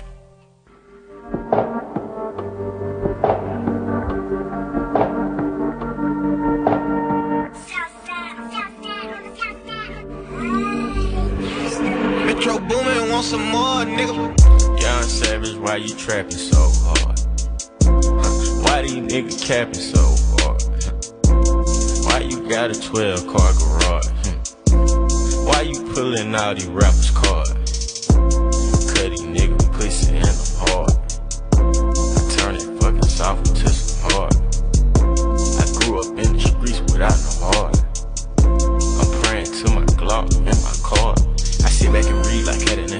21 Savage, that cat with the mat. 21 Savage, not boys in the hood, but I pull up on you, shoot your ass in the back. Stuart Little, hurt these niggas some racks. Pocket full of cheese, bitch, I got racks. I'm a real street nigga, bitch. I am not one of these niggas banging on wax. Pussy niggas love sneak this until I pull up on them, slap them out with the fire. Went your mama house, went your grandma house, keep shooting until somebody die. So many shots, the neighbor looked at the calendar, thought it was 4th of July. You was with your friends playing Nintendo, I was playing around with that fire. Seventh grade, I got caught with a pistol, sent me to Pantherville. Eighth grade, started playing football, then I was like, fuck the field. Ninth grade, I was knocking niggas out, nigga like Holyfield. Fast forward, nigga 2016, and I'm screaming, fuck a deal. Bad bitch with me, she so thick, I don't even need a pill. I listened to your raps, thought you was hard. You ain't even street for real. Niggas love sneak dissing on Twitter. They don't want beef for real. And all these niggas play like they tough. Till a nigga get killed. Till a nigga get spilled. Till your blood get spilled. I'ma at your favorite rapper. Shoot him like a John Deere. I've been with you since day one. Savage, I ain't even hate. So what's up with all that Instagram shit? Savage out to the plan. Y'all pussy nigga faking. Bitch, I hang around them Haitians. Pull up on you, tie your kids up, pistol whip you while your bitch naked. Come on, man, Savage, you know I always play your mixtape. Yeah, nigga, fuck all that. Ask your bitch how my dick taste. Young Savage, why you trapping so hard? Why do these niggas capping so hard? Why you got a 12 car garage? Why you pulling out these rappers' cards? Cut these niggas pussy and I'm hard. I turn it fucking soft into some hard. I grew up in the streets without no heart. I'm praying to my Glock and my car. So much dope that it broke the scale. They say crack kills, nigga, my crack sell. My brother in the kitchen and he rapping the bell. Louis V my bag and Louis V on my belt. Chain swinging, diamonds bling. Hold up. Pistol swinging, gang banging. Hold up. Niggas acting like groupies, they don't know us. Little do they know that bitches fucking on the tour bus. Young Savage, why you trapping so hard? Huh, Why these niggas capping so got a 12 car garage? Why you pulling all these rappers' cards? Cut these niggas pussy and I'm hard. I turn it fucking soft into some hard. I grew up in the streets without no heart. I grew up in the streets without no heart. So much dope that it broke the scale. They say crack kills, nigga, my crack sells. My brother in the kitchen and he rapping the bell. Louis V my bag and Louis V on my belt.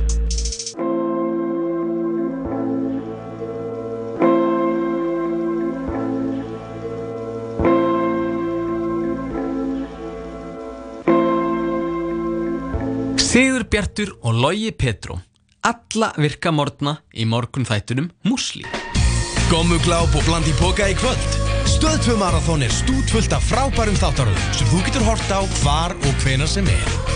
Tryggðir áskrift fyrir aðeins 2490 krónur á mánuði á stöðtvö.is Hamborgarabúla Tómasar, hambúrgari, hambúrgari, daglegt brauð. Hamborgarabúla Tómasar. Hleðsla Extra. Þegar þú vilt enn meira prótein. Hleðsla 100% hágæða próteindryggur. Landsbankin kynni Stock chose you Eftir atbyrði Avengers Endgame þarf Spider-Man að stígu Are you going to step up or not? Til að takast á við nýjar óknir I just really miss him Í heimi sem hefur breyst að eilífu I don't think Tony would have done what he did if he didn't know that you were going to be here after he was gone. Spider-Man Far From Home Frumsýn 3. júli Fylgist með okkur á Twitter og Instagram at 101 Live Radio.